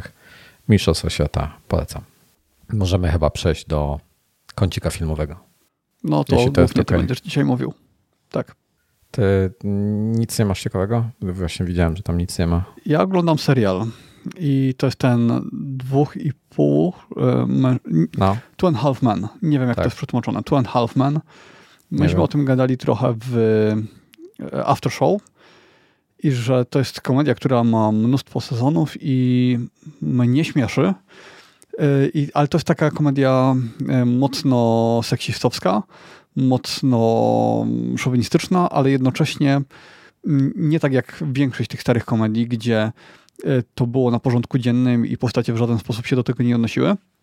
Tylko w tym Two and Half e, główny bohater jest taki, ale postacie wokół niego to widzą. Komentują to, e, wiedzą, że z nim jest coś nie do końca w porządku. On też jest przedstawiany jako taka osoba z poważnymi problemami. Mm, i pod tym względem mi się wydaje, że to jest lepiej zrealizowane niż te seriale, które no, no tam z lat 90., bo to też są lata 90. chyba, y, czy niż na przykład y, Przyjaciele, niż How I, Jak poznałem twoją matkę. I to jest serial, który mnie bardzo śmieszy. Dla mnie to poczucie humoru, do mnie ono mocno trafia. Mm, przy czym na razie jestem chyba na czwartym albo piątym sezonie, a ich jest, nie wiem, chyba z 12, strasznie tak. dużo. Two and a Half Men zaczęli kręcić w 2003 roku. A, to dużo później, okej. Okay. No. No może dlatego też jest taki bardziej samoświadomy, może też do tego bardziej to komentują. Chociaż to były te lata, gdzie jeszcze dużo seriali na to nie zwracało uwagi. Y, to jak już tak zacząłem gadać, to może w sumie trochę więcej powiem. Jest na Prime mm, i mam wrażenie, że jakbym nie znał angielskiego, jakbym bazował tylko na tłumaczeniu polskim, to ten serial bardzo dużo by stracił. Że tam jest dużo takiego humoru, który, którego nie da się przetłumaczyć bezpośrednio na język polski. Ale tak czy tak, y, polecam bardzo mocno, chociaż widziałem opinie na naszym czacie były bardzo mieszane. Y, ktoś tam pisał, że jego w ogóle nie śmieszy. No, mnie na przykład śmieszy dużo bardziej niż Brooklyn Nine-Nine i bardziej niż większość właściwie komedii, jakie oglądałem w ostatnim czasie. I w skrócie to jest historia takiego faceta, który jest kompozytorem jingli do reklam i zarabia na tym bardzo dużo pieniędzy, mieszka w willi w Malibu i po prostu ma takie życie y, zupełnie bezproblemowe i pewnego dnia wprowadza się do niego brat, który jest y, jego zupełnym przeciwieństwem, kompletnym nieudacznikiem. Właśnie się rozwodzi ze swoją żoną i y, zamieszkuje z nim razem z dziesięcioletnim synem. I mm, no i dzieją się rzeczy tam. Y, już dalej nie będę wchodził w fabułę, ale ona nie, nie ma takiej ciągłej fabuły. Każdy odcinek jest o czymś innym. E, w każdym odcinku gdzieś tam ten Charlie, główny bohater, podrywa jakąś e, dziewczynę, ale moim zdaniem serial bardzo zyskuje w kolejnych sezonach, kiedy to ten drugi brat zaczyna się gdzieś tam, jego, jego związki też zaczynają istnieć. I sezon trzeci na przykład, moim zdaniem, bardzo poziom tam podskoczył. Y, ale podobał mi się już od samego początku. Postacie są fajne, na przykład y, jest jego gosposia, która jest taką na maksa wredną osobą, której y, boisz się być w jej pobliżu, boisz się cokolwiek skomentować, no ale jednocześnie robi dobrze swoją robotę. Jest jakaś tam stalkerka zakochana w głównym bohaterze, która wie wszystko, co ten główny bohater robi, gdzieś tam śledzi go po nocach, a jednocześnie jest super inteligentna, no ale psychicznie chora. E, I jest kilka takich postaci, które się tam przewijają, są fajne, śmieszne, ciekawe, e, więc ja polecam, no ale tak jak mówię, nie, nie jest to serial dla każdego, ale ty mi powiedziałeś ciekawą rzecz, że tam w pewnym momencie pozbywają się głównego bohatera i aktora, który go gra, e, tak, bo on bo... w prawdziwym życiu był taki jak w tym filmie. w, ciągu 12, w ciągu 12 miesięcy trzy razy był na tego odwyku i Charlie się trochę mu odbiło. No.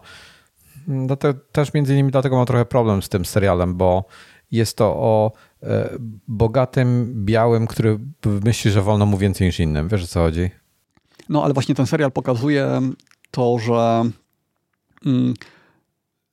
że to nie jest normalne i że ten koleś powinien coś ze sobą zrobić i mhm. że ma tam różne uzależnienia, z którymi powinien walczyć i że tak naprawdę to jego życie wcale nie jest takie e, fajne, jak się w pierwszym momencie wydaje, ale to chyba dopiero później, w kolejnych sezonach, szczególnie w czwartym, gdzieś tam jest bardziej ten wątek poruszany. Mm, I tego głównego aktora później zastąpił, jak on się nazywa, K. A, a, hmm. Ashton Kutcher, Ashton Kutcher, nie, nie mam pojęcia jak to się wymawia, nie mam pojęcia Ashton nawet. Kutcher. Tak, tak, więc do tego momentu jeszcze nie doszedłem. Yy, nie wiem, w którym sezonie to się dzieje. No i kiedyś jeszcze tam podsumuję, jak już zobaczę całość i zobaczę z, po podmianie tych aktorów, to dodam coś więcej w kąciku filmowym. Um, dobra, mam tak. E, to tak, skoro już weszliśmy w temat, bo tutaj, dobra, jest follow-up z czatu.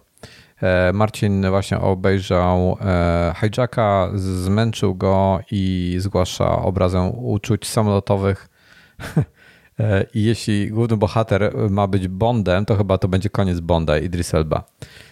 Idris Elba na pewno świetnym aktorem. Tutaj miał taką rolę, jaką miał. No, też ciężko tego, tylko ciężko mi teraz po tym filmie wyobrazić go sobie jako Bonda. To jest, to jest problem, taki image, tak?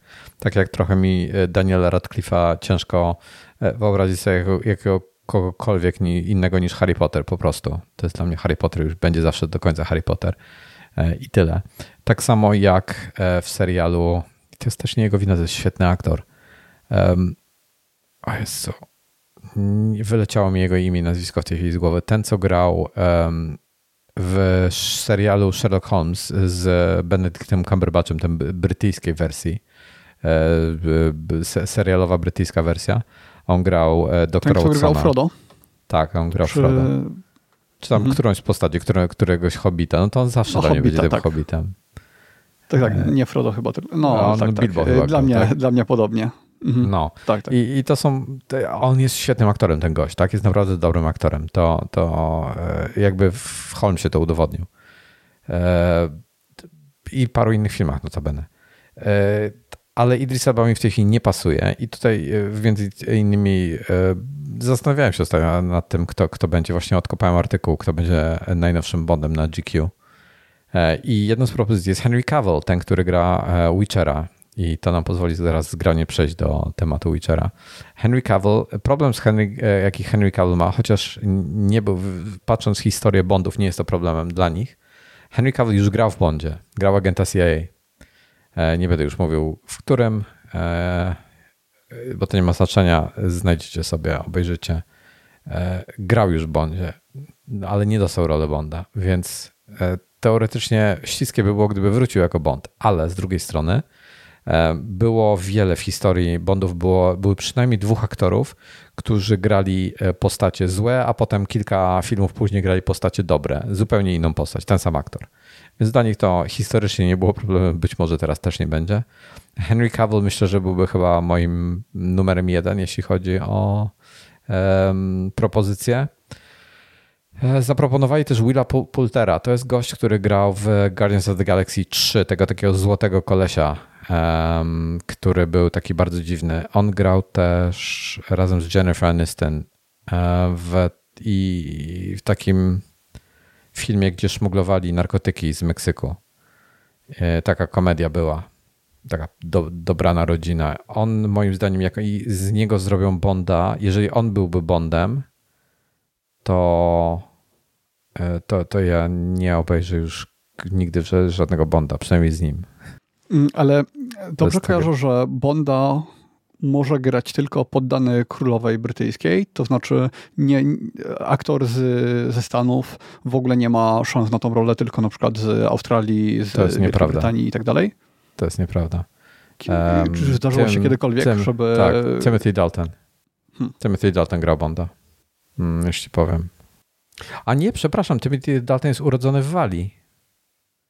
No, no właśnie, bo z tego co wiem, to jest to wymóg, że znaczy wymóg, może taki niepisany, ale że jak ja się nie, rozważa ja aktorów, to tylko się rozważa e, poddanych królowej brytyjskiej. Ja, ja pierwszy o tym słyszę, wiesz. Um, może tak jest. Może tak jest. Um, o, um, a Lazenby? Właśnie, Lazenby. David Niven, nie kojarzę tego moda. Nie, nie znam Davida Nivena. E, Lazenby, on grał tylko jeden odcinek. George Lazenby, on jest Australijczykiem, okej. Okay. No to też pasuje do no. konceptu. Tak.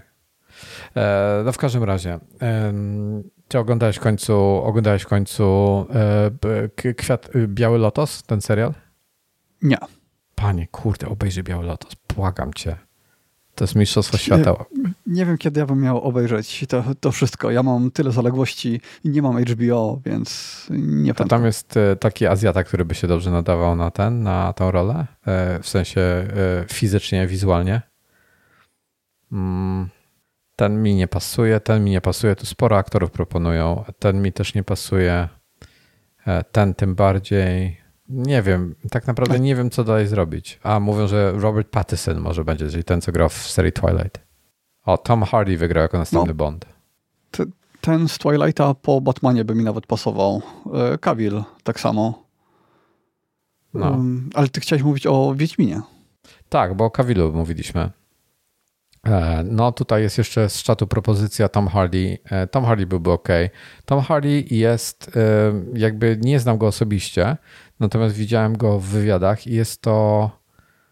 E, nie, mu brakuje wyrafinowania e, w życiu prywatnym e, i, i z jakiego słynie James Bond. I nie wiem, czy by się odnalazł tutaj. Tom Holland, który grał Spidermana, jest bardzo fajny, tylko jest trochę zbyt śmieszny i zbyt. No chyba jeszcze zbyt młody. Zbyt młody, zdecydowanie. Tom Hiddleston, ten, który gra Loki, w Marvelu. Myślę, że byłby dobrym Bondem. E, on grał w tym, w um, The Night Manager właśnie. Armand, który to bohatera? był Armand, Erwin. Erwin Armand to był ten e, szef tego um, resortu, ten taki manager? Nie wiem, natomiast główny bohater z Nocnej Zmiany był akurat najbardziej nijaką postacią w historii seriali, które oglądałem w ostatnich Tom, latach. Tom Hiddleston? To jest ten, co Loki no, Nie, właśnie ten główny... Tak, ten, gra. główny bohater nocne, Nocnej Zmiany. On tam, to była taka postać, znaczy zagrany był dobrze, tylko sama ta postać była taka mm, nudna, mimo że serial hmm. był fenomenalny, był świetny, na maksa trzymający w napięciu.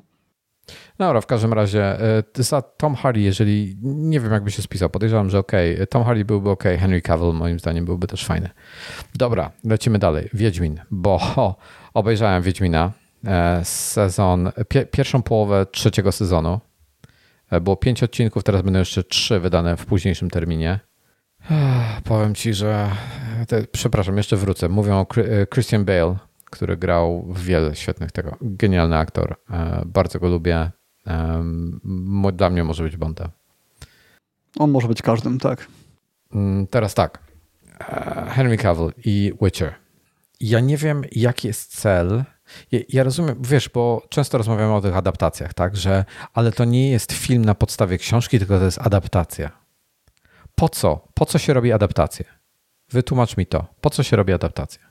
No, zależy. Czasami po prostu jest fajny lore i chcesz wziąć tego tylko e, na przykład postacie, a nie interesuje cię zbytnio główna postać, no i wtedy robisz to po swojemu. Dobra, to teraz tak, wytłumacz tak, szczególnie, tak. Szczególnie jeśli coś już było adaptowane wielokrotnie, to mhm. czym później, tym bardziej często te adaptacje odbiegają i są takimi remixami materiału źródłowego. To teraz wytłumacz mi inną sytuację. E, jest książka i potem jest adaptacja do jakiegoś serialu czy filmu.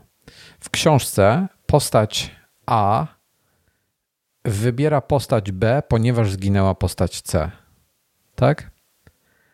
A w filmie postać A, e, postać B wybiera postać C, ponieważ postać A e, e, zdradziła go ze, swoim, ze swoją żoną.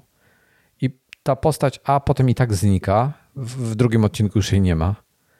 I, i, do, i dochodzisz w takim samym czasie do tego samego miejsca, tylko w zupełnie inny sposób. Po co? Co, czemu to ma służyć? Zmiana e, koncepcji. I w książce jest, notabene jest to dużo bardziej naturalne, taki, wiesz, naturalny flow jest, a tam to się, to, to w filmie wydaje się sztuczne. Po co?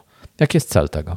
Mhm. Nie, nie rozumiem. No, powodów może być dużo, ale y, akurat w przypadku Witchera wiem, że wiele osób jest niezadowolonych z tego, w jakim to kierunku idzie.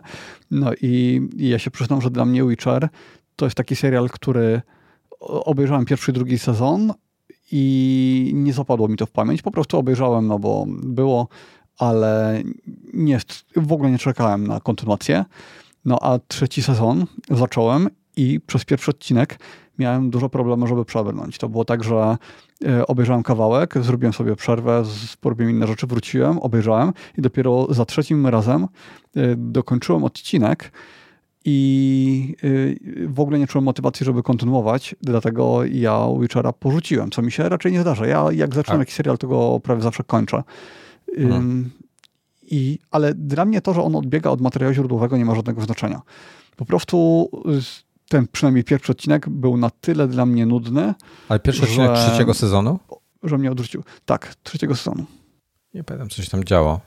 Dla mnie... Jednocześnie dla mnie, no. ludzie narzekają na walki, a mnie walka, która była na początku y, pierwszego odcinka, ta scena prawie otwierająca y, sezon, tam dosłownie w pierwszych minutach się chyba dzieje, to mnie się bardzo podobało, jak tam kamera była poprowadzona, y, jaka była dynamika tej, tej akcji. Jeśli wszystkie walki byłyby takie, to mnie by to pasowało. Właśnie fajne, ale mm, fabularnie mnie po prostu znudziło. E, ja ci powiem, ja ci powiem tak. E, mi się ogólnie wykonanie, ogólnie Wiedźmin mi się podoba. Jest na przykład lepszym serialem niż Teheran czy, czy Eko 3, o którym ostatnio opowiadałem. A to ja wolę Teheran. Teheran w ogóle skończyliśmy pierwszy sezon i drugiego już nie, od razu mówię, już nawet nie, nie puszczam. Wyleciał z mojej playlisty, nie, shit serial. No tak, tak, drugi sezon jest słaby. To jak ci się jedynka nie podobała pierwszy sezon, to nie. dwójką byś był już kompletnie rozczarowany. No i nie, nie rozumiem tylko, dlaczego w Wiedźminie, na przykład, wiesz, ja rozumiem, że oni chcą coś, e, rzeczy pozmieniać, żeby było...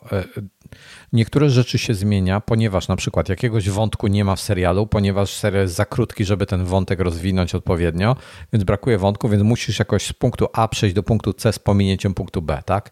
Więc się pewne rzeczy mhm. zmienia, upraszcza, żeby to zrobić. Ale dlaczego się zmienia na przykład całkowicie y, Masz, masz historię jakąś, jakąś tam, nie pamiętam już, z tym, e, ze smokiem. Nie pamiętam, jak to rozwiązali w e, filmie.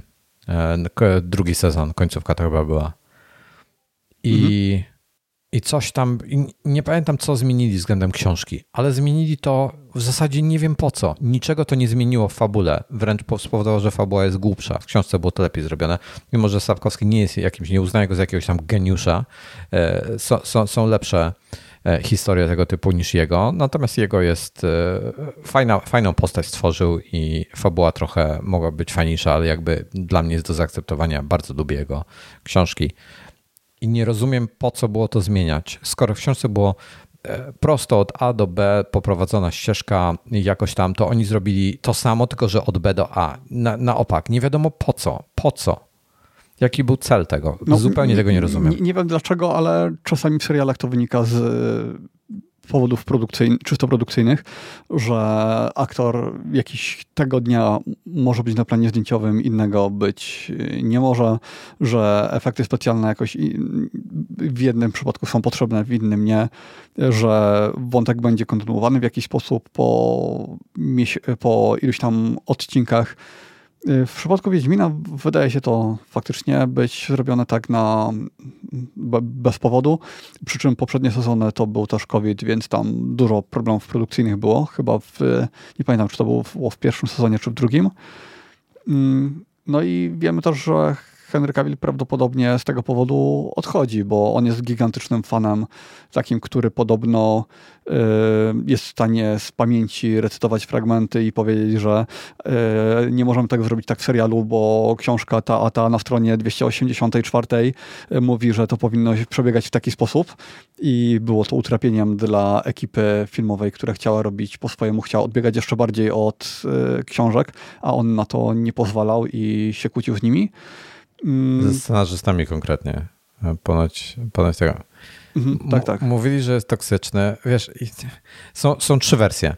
Pierwsza wersja jest taka, że e, zwolnili Henry'ego Cavilla. Druga wersja jest taka, że odeszli za porozumieniem stron, że odszedł on za porozumieniem stron. Trzecia wersja jest taka, że on odszedł, bo już miał dosyć. E... Tak, ale prawdopodobnie wszystkie wynikają z tego samego, że Henry Cavill miał wizję na adaptację, która jest bardzo e... wierna książce. Wierna oryginałowi, tak. a scenarzyści zupełnie przeciwnie. Teraz tak, aktorzy ci pozostali, między innymi e, Ania Cialotra, która jest, nie wiem jak się wymawia zupełnie jej nazwisko, ani imię w sumie, e, która, która gra Yennefer jest zła, bo nie miała czasu się z nim pożegnać, bo to wszystko się rozegrało e, po tym, jak już skończyli kręcić i jakby już się nie zobaczą na planie filmowym więcej, a nie mieli czasu się pożegnać. Więc ona jest zła. Wzięli teraz nowego aktora do tej roli gdzie to, jest, to już jest głupota. To już jest najgorsze, co tak, mogli w, zrobić. W sensie od czwartego sezonu będzie. Od czwartego sezonu nowy. będzie nowy aktor. Nie wiem, czy to włączę.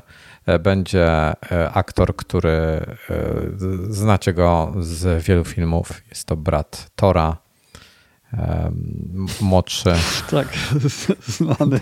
Nikt go nie wymienia z tego, kim jest, tylko kim, kim nie jest. Jakie ma powiązania rodzinne i tak. jakieś tam e, znajomości. Tak, gra w jakichś, jakichś paru filmach, jakby znany z tych filmów, ale, ale jego brat jest trochę bardziej znany. E, I um, nie wiem, wiesz co, powiem tak. Henry Cavill stworzył bardzo dobrego Wiedźmina. Tego się nie da ukryć. E, jako postać, tak? To grał dobrze, był ten, no, wiesz, no, po prostu dobrego Wiedźmina, dobrego Geralta e, zagrał. Tak, bardzo pasował do tej roli. E, może tak, bardzo pasował do tej roli, zgadza się.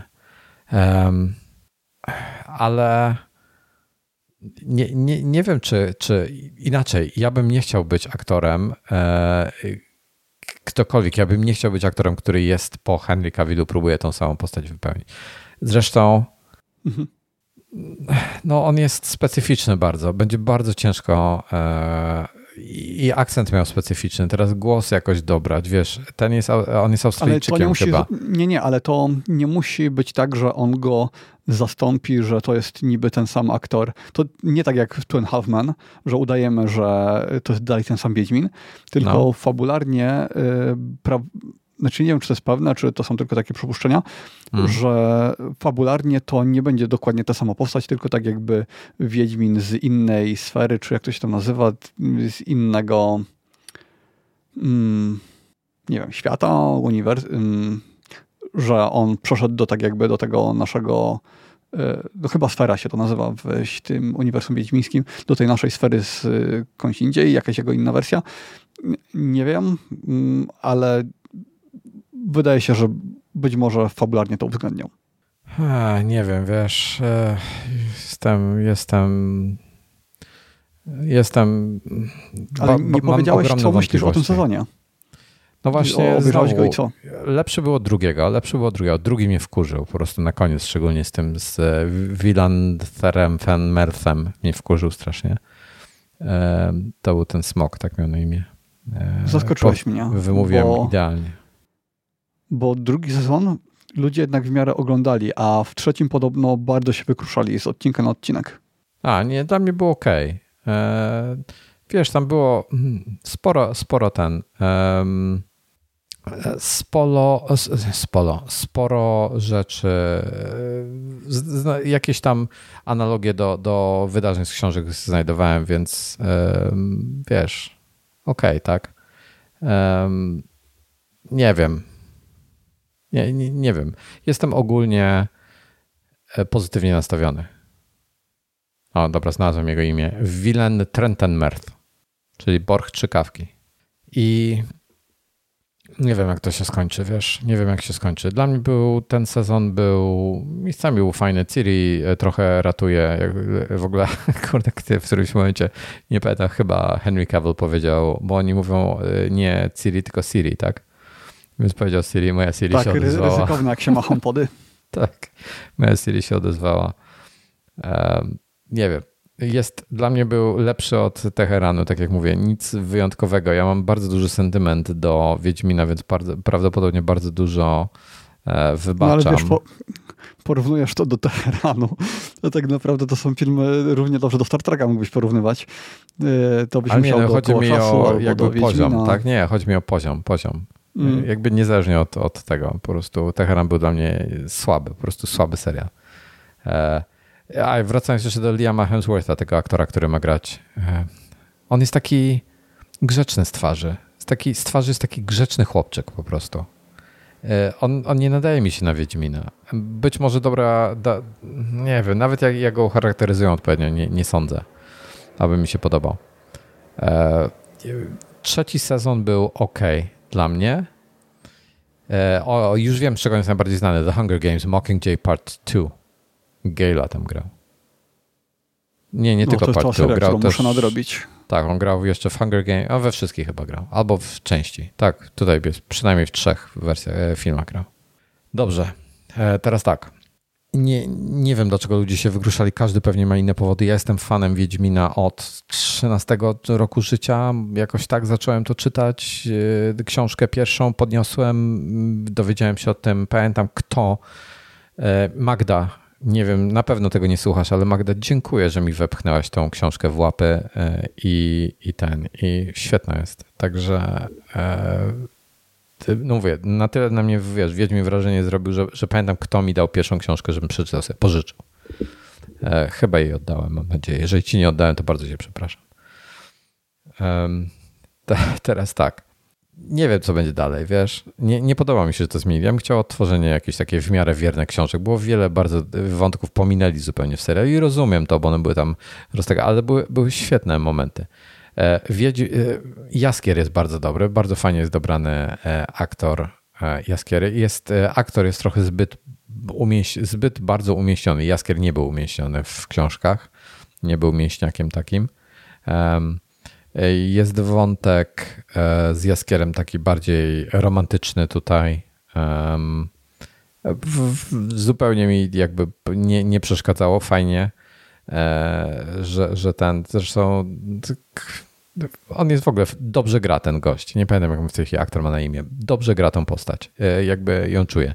Zabrakło mi piosenki jakiejś. E, pierwsza piosenka w ogóle była e, z pierwszego sezonu, była kultowa, tak? Do dzisiaj mam ją na playliście swojej, tej, tej filmowej. E, w tylu, w ogóle jest, ona jest fajna, bo jak już ją raz usłyszysz, to potem ją możesz słuchać w każdym języku. W japońskim jest świetna, polecam. Jest zbiór na YouTubie tego, tego utworu we wszystkich językach możliwych, w jakich ona była zaśpiewana. I w każdym języku jest, jest genialna. W polskim nie pamiętam w ogóle, jak brzmi, muszę to sobie odsłuchać. Fajny tak, pamiętam, serial. że to poszło wiralowo gdzieś tam na Spotify, Apple Music, tak. Kiedy, kiedy, kiedy to wypuścili. Tak. E, I, I brakuje mi tych piosenek. W drugiej, w drugiej części próbowali piosenkę jakąś taką stworzyć, ale nie chwyciła. I w trzeciej części nie ma żadnej piosenki w zasadzie. E, w tych pierwszych przynajmniej pięciu odcinkach, która starałaby się, więc jakby chyba zrezygnowali z tej, z tej próby. To było raz, udało mi się, im się ten wira w pierwszym sezonie i chyba zrozumieli to e, w trzecim. I okej, okay, ale zabrakło mm. mi próby chociaż podjęcia walki. Mm, poza tym okej, okay, no ja mam problemy z tym, wiesz, ja, ja, jestem fanem książek i nie przepadam za takimi, takim zmienianiem czegoś po prostu dla zasady, żeby zmienić. Że, że, żeby było, że scenarzysta się wykazał czymś, żeby, żeby wiedzieli za co mi płacą. No to jeżeli oni z takich powodów to robią, to to jest bez sensu. Mhm. No bo na przykład świat w Wiedźminie, on jest chyba taki bardzo niedopracowany i e, Sapkowski nie zwracał w ogóle uwagi, był przeciwieństwem Tolkiena. Tak jak Tolkien e, zaplanował sobie cały właśnie świat i wokół tego napisał fabułę, tak Sapkowski pisał fabułę, a jednocześnie nie myślał nad tym, gdzie są jakieś krainy i tak dalej i e, są różnice między książkami, gdzie tak naprawdę to się nie zgadza i on mówił gdzieś tam w wywiadach, że go po prostu to zbytnio nie obchodziło. No i to był problem podczas tworzenia gry, jak teraz stworzyć mapę świata, skoro według tej książki to powinno wyglądać tak, a według innej już zupełnie inaczej. Y, dla filmu to tak naprawdę nie ma prawie żadnego oznaczenia, po prostu gdzieś tam wstawiam jakąś dłuższą, dłuższy przerywnik, y, że gdzieś podróżują y, dalej czy krócej i tyle. No ale Wiedźmin to jest chyba głównie ta fabuła, nie? To przygody. Mm, ja nigdy, mnie nigdy Wiedźmin nie wciągnął na tyle, żeby sięgać po kolejne książki. Przeczytałem chyba dwie i na tym się skończyło, ale Bo dwie to są pierwsze błąd. dwie. Pierwsze dwie to są zbiory opowiadań jakby, tak? A potem właśnie, od właśnie trzeciego nie, nie, czekaj, tomu nie, się zaczyna tak e, jakby saga. Ja właśnie, ja zacząłem od sagi, a powinienem yy, Aha, od tej pierwszej książki z sagi. Nie, tak, a, powinni, a podobno opowiadania są dużo lepsze niż saga. Tak, opowiadania to jest mistrzostwo świata. Weź sobie chwycie teraz. chwycie sobie teraz, odsłuchaj sobie, jak nie chcesz czytać. E, e, one są krótkie, łykniesz je w jeden dzień, tak, albo w kilka godzin. Mhm. E, opowiadania są świetne. Tak, tak, więc jeszcze kiedyś dam szansę. Ja niestety z powodu książek przegapiłem pierwszego Wiedźmina grę, bo chciałem najpierw poznać historię, jak jest w książkach, a później dopiero zagrać, ale tak długo odwlekałem przeczytanie książek, że już później nie miałem komputera, na którym mógłbym grać w grę, bo już chyba wtedy byłem makowy i bardzo żałuję, bo pierwszy i drugi Wiedźmin były bardzo specyficzne i y, tam chyba w drugim Wiedźminie podjęli bardzo ciekawą decyzję, gdzie w zależności jak poprowadziłeś fabułę, to jeden z aktów mogłeś tak jakby totalnie ominąć i zamiast niego mieć zupełnie inną historię, zupełnie inny akt. To jest coś, co jest chyba niespotykane i jest ewenementem na skalę wszystkich RPGów. Hmm. Nigdy Wiedźmina nie grałem właśnie, bałem się, że, że mi skaszanie książki. Nawet w trójkę? Nawet w trójkę nie grałem. No to y, Wiedźmin to jest fenomenalny RPG, który wprowadził na tyle duże zmiany w gameplayu, że później bardzo ciężko było wrócić do e, starszych RPGów takich trójwymiarowych, bo e, w Wiedźminie ta fabuła była poprowadzona dużo, dużo lepiej i no i była to rewolucja w gameplayu, taka duża, duża rewolucja. E, więc dla mnie to RPG się dzielą na takie sprzed Wiedźmina i po Wiedźminie. Dobra, tyle jeśli chodzi o Wiedźmina. E, szkoda mi Henry'ego Cavilla, nie wiem czy będę, pewnie obejrzę to z tym Liamem Hemsworthem, jak już wyjdzie ten czwarty sezon, ale nie będę jakoś tak, no powiem tak, przy możliwościach jakie mieli e, i, i wiesz, dzisiaj kino daje takie możliwości, mają takie budżety te seriale potencjalnie, mogli zrobić e, coś niesamowitego, a stworzyli Wiedźmina. Um, znaczy wiesz, my tutaj narzekamy, ale Y, prawda jest taka, że jest to jeden z najlepiej oglądających się seriali na Netflixie. Ten trzeci sezon właśnie trochę gorzej pod tym względem, ale no. ogólnie jako seria, mm. no to tak. On w ogóle mm. gdzieś tam były rekordy i hmm. chyba nawet, nie wiem czy w pewnym momencie nie był y, w samej czołówce, czy nawet numerem no, jeden. Pier, pierwszy sezon był dobry, no. Też tam no, ale fa fani, fani jednak już na pierwszy sezon też strasznie narzekali. Tak, no bo, no bo bo ja rozumiem adaptację, jak się robi, wiesz, ale nie rozumiem, jak się coś zmienia tylko po to, żeby zmienić. E, te, mhm. Tego to, to jest dla mnie niepojęte. E, tym bardziej, że często się zmienia to na coś gorszego. Dobra. E, zmiana klimatu teraz z, z Wiedźmina na Wesa Andersona. Wes Anderson bardzo znany za kilka swoich filmów, między innymi The Grand Budapest Hotel, który jest absolutnie genialnym filmem, musicie go obejrzeć. E, to, to nie jest opcjonalne. Ty oglądałeś Grand Budapest? Tak, to tak. Masz? Bardzo no ciekawie w ogóle wygląda. Jest y, bardzo specyficzny film. Tak, trzeba zobaczyć. Tak, no więc The French Dispatch to jest e, kolejna e, twórczość Wes Andersona. Kosmos. To jest kosmos film. Totalny kosmos. W dużym skrócie. To jest on E, e, zwizualizował, e, zwizualizował poniekąd, przy, przywrócił do życia kolekcję opowiadań z ostatniego wydania amerykańskiego magazynu The French Dispatch, który był wydawany w fikcyjnym mieście francuskim. Generalnie historia jest taka, że syn wydawcy ze Stanów Zjednoczonych wyjechał do Francji, tam założył właśnie The French Dispatch i kosmos totalny. Totalny kosmos. W ogóle nie chcę niczego zdradzać, bo musicie to zobaczyć. The Freddy Smash to jest, to jest totalnie odjechany film. Um, jest na Disneyu. Się, tak, jest na Disneyu. En, Poczekaj, e, to jest film czy to jest serial? To jest film, to jest film. Trwa godzinę 48, więc nie jest przesadnie długi wieczór go e, łykniecie i jest świetny. W ogóle gra, jeśli chodzi o obsadę. Obsada to jest, to jest mindfuck. E, Benicio del Toro. Genialną. Benicio del Toro ma mistrzowską rolę. On jest w ogóle, ja bardzo go lubię, w tej roli rozwala system. E, Adrian Brody, e, jak zwykle, świetny. Tilda Swinton. Um, Jeffrey Wright, świetna rola. Jeffrey Wright, jak znacie z Westworlda. Um, Francis McDormand z um, kurczę, Fargo. E, e, Lia czy Leia Seydu z Bonda, ta blondyna. E, jak, jak nie macie zachęty jeszcze do tego filmu, podpowiem wam, że występuje całkowicie nago. Um, Owen Wilson, Willem Dafoe, kto jest? Christoph Waltz genialny przecież jest, Edward Norton, Bill Murray. No, nie no, muszę cię powstrzymać, bo tutaj będziesz wymieniał przez kolejne 10 minut. Nie, już skończyłem, już skończyłem. Słowo daję. Musicie obejrzeć. Jest to film o bardzo specyficznym color gradingu, widzę. Takim wybranym z kolorów, e, tak. w klimatach trochę, właśnie tak, tak, jak zwykle, ale w klimatach takich trochę meksykańskich, gdzie ten pomarańcz gra bardzo dużą rolę. E, ja nie jestem jakimś wielkim fanem mm, mocnego gradingu, szczególnie na na zdjęciach, ale akurat w jego filmach on, przynajmniej w tym, co widziałem wcześniej, to mi bardzo się podobało, jak one są zrealizowane. Ten, tam tak, są, w ogóle tak, tak artystycznie. To, to jest 4 na 3 tak w ogóle podpowiem. E, tam są, e, tam są sceny, e, znaczy w ogóle kolor gra rolę w tym, w tym, w jego filmach. Są sceny czarno-białe, są sceny kolorowe, odlot totalny jest, jest to, to, jak tam, tam masz na przykład jedną scenę, która jest statyczna całkowicie i narrator coś opowiada, tak, nic się nie dzieje na scenie, wygląda jak obrazek. Narrator coś opowiada i e, mówi, no dobra, to zaczynamy, wiesz, tak, jak, tak jakby, nie, nie dokładnie te słowa, ale w tym formie, na zasadzie, że e, e, scena i w tym momencie nagle cała scena zaczyna żyć, tutaj się jakiś pies pojeżdża, tutaj motocyklista wjeżdża z tej strony, tam samochód się pojawia, tu ludzie zaczynają wychodzić i nagle wszystko zaczyna żyć. E, so, sama kinematografia, sam w ogóle operator, to co robi z kamerą, sam pomysł na niektóre ujęcia. Piękny, piękny film, polecam. Nie, nawet nie wiem, mhm. ile dobra mogę jeszcze o nim powiedzieć.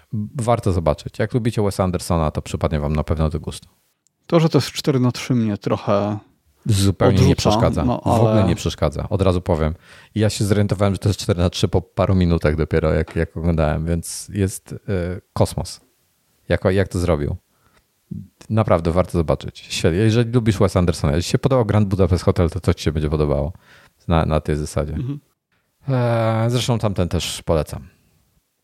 E, dobra, i zakończę u siebie jeszcze trzecią pozycją. Um, Guy Ritchie, e, w ogóle filmów pod tytułem The Covenant jest mnóstwo. To jest przymierze po polsku. Guy Ritchie, to, to występuje ty, e, typowo jako Guy Ritchie's The Covenant. Guy Ritchie, znacie Guy Ritchiego z, z, chociażby ze Snatcha, e, reżyser, stworzył film na podstawie wojny w Afganistanie, znaczy oparty jest to o postać konkretnie jedną w tej wojnie w Afganistanie, która i, i oni, Amerykanie tam e, zatrudniali e, tłumaczy, czyli e, interpreterów tak zwanych, lokalesów, którzy pomagali im porozumiewać się z lokalną ludnością, bo Amerykanie nie potrafili po lokalnemu rozmawiać, niezależnie który to z języków był. Więc zależnie gdzie byli, zatrudniali odpowiednich lokalesów, żeby mogli się porozumieć w ich imieniu z innymi. I teraz tak, w zamian za to obiecali im e, wizy dla nich i dla ich rodzin, żeby wywieźć ich do Stanów. E, niestety, jak to Amerykanie e, w wielu sytuacjach nie dotrzymali słowa. I to jest historia o konkretnie jednym żołnierzu i jednym tłumaczu i ich historii. Piękny film. Trzeba zobaczyć.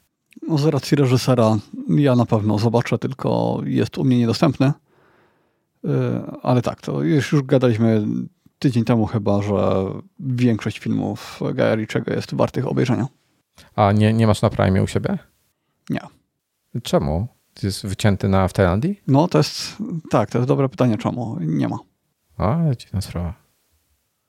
A ty masz tam dostęp do jakichś takich treści, które wypadają gdzieś tam, wiesz, z ciężarówek i tak dalej?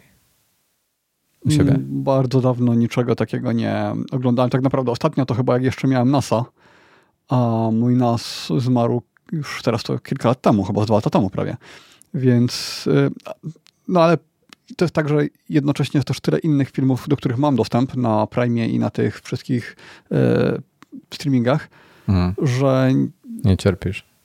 No. no, że tak sobie myślę, po co piracić, skoro mam jednak na legalu tyle rzeczy jeszcze do nadrobienia.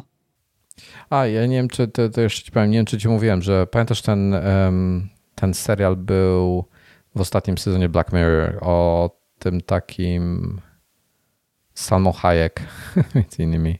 To, co opowiadałeś kiedyś. Pier pierwszy epizod szóstego sezonu tak. Black Mirror o Streamberry. Tak, tak, tak, tak. Ja oglądałem to. Mówiłem ci, że oglądałem to? Tak, tak, było w Nadgryzionych. No, to, to był kosmos. A, czekaj, e, w Nadgryzionych było o pierwszych dwóch epizodach, dawać wrażenia z pierwszych dwóch epizodów, ale nie podsumowałeś chyba nigdy całości całego sezonu. Bo ja chyba nie, ja nie wiem, czy ja dokończyłem cały sezon. Ostatnio, e, wczoraj obejrzeliśmy drugi albo trzeci, drugi sezon chyba skończyliśmy oglądać. E, było to, taka scena, co był White Bear, taki obóz czy taki park rozrywki, rozrywki dla przestępców, że przestępcy tam karę odbywali, która się mieli e, e, wymazywaną pamięć. No, spoileruję bardzo, ale to stary sezon jest, drugi albo trzeci sezon. E, I, i musieli codziennie odgrywać to, to, to samo i w tym parku i ludzie przychodzili po prostu z kamerami, tam z telefonami byli, kręcili wszystko i zdjęcia robili. Ja niestety nie pamiętam. Już zbyt dawno to widziałem, bo ja na bieżąco oglądam Black Mirror, hmm. ale kiedyś sobie zrobię Stary. powtórkę wszystkiego. No to to jakiś w ogóle kosmos totalny. A i była sytuacja z, i drugi był odcinek z tą dziewczyną, co jej chłopak e, zginął, czy chłopak, czy mąż już zginął w wypadku samochodowym i e, był taki serwis e, sztucznej inteligencji, jakby właśnie, że się zapodawało wszystkie jego, te, te, te informacje o nim i można było z nim gadać przez telefon.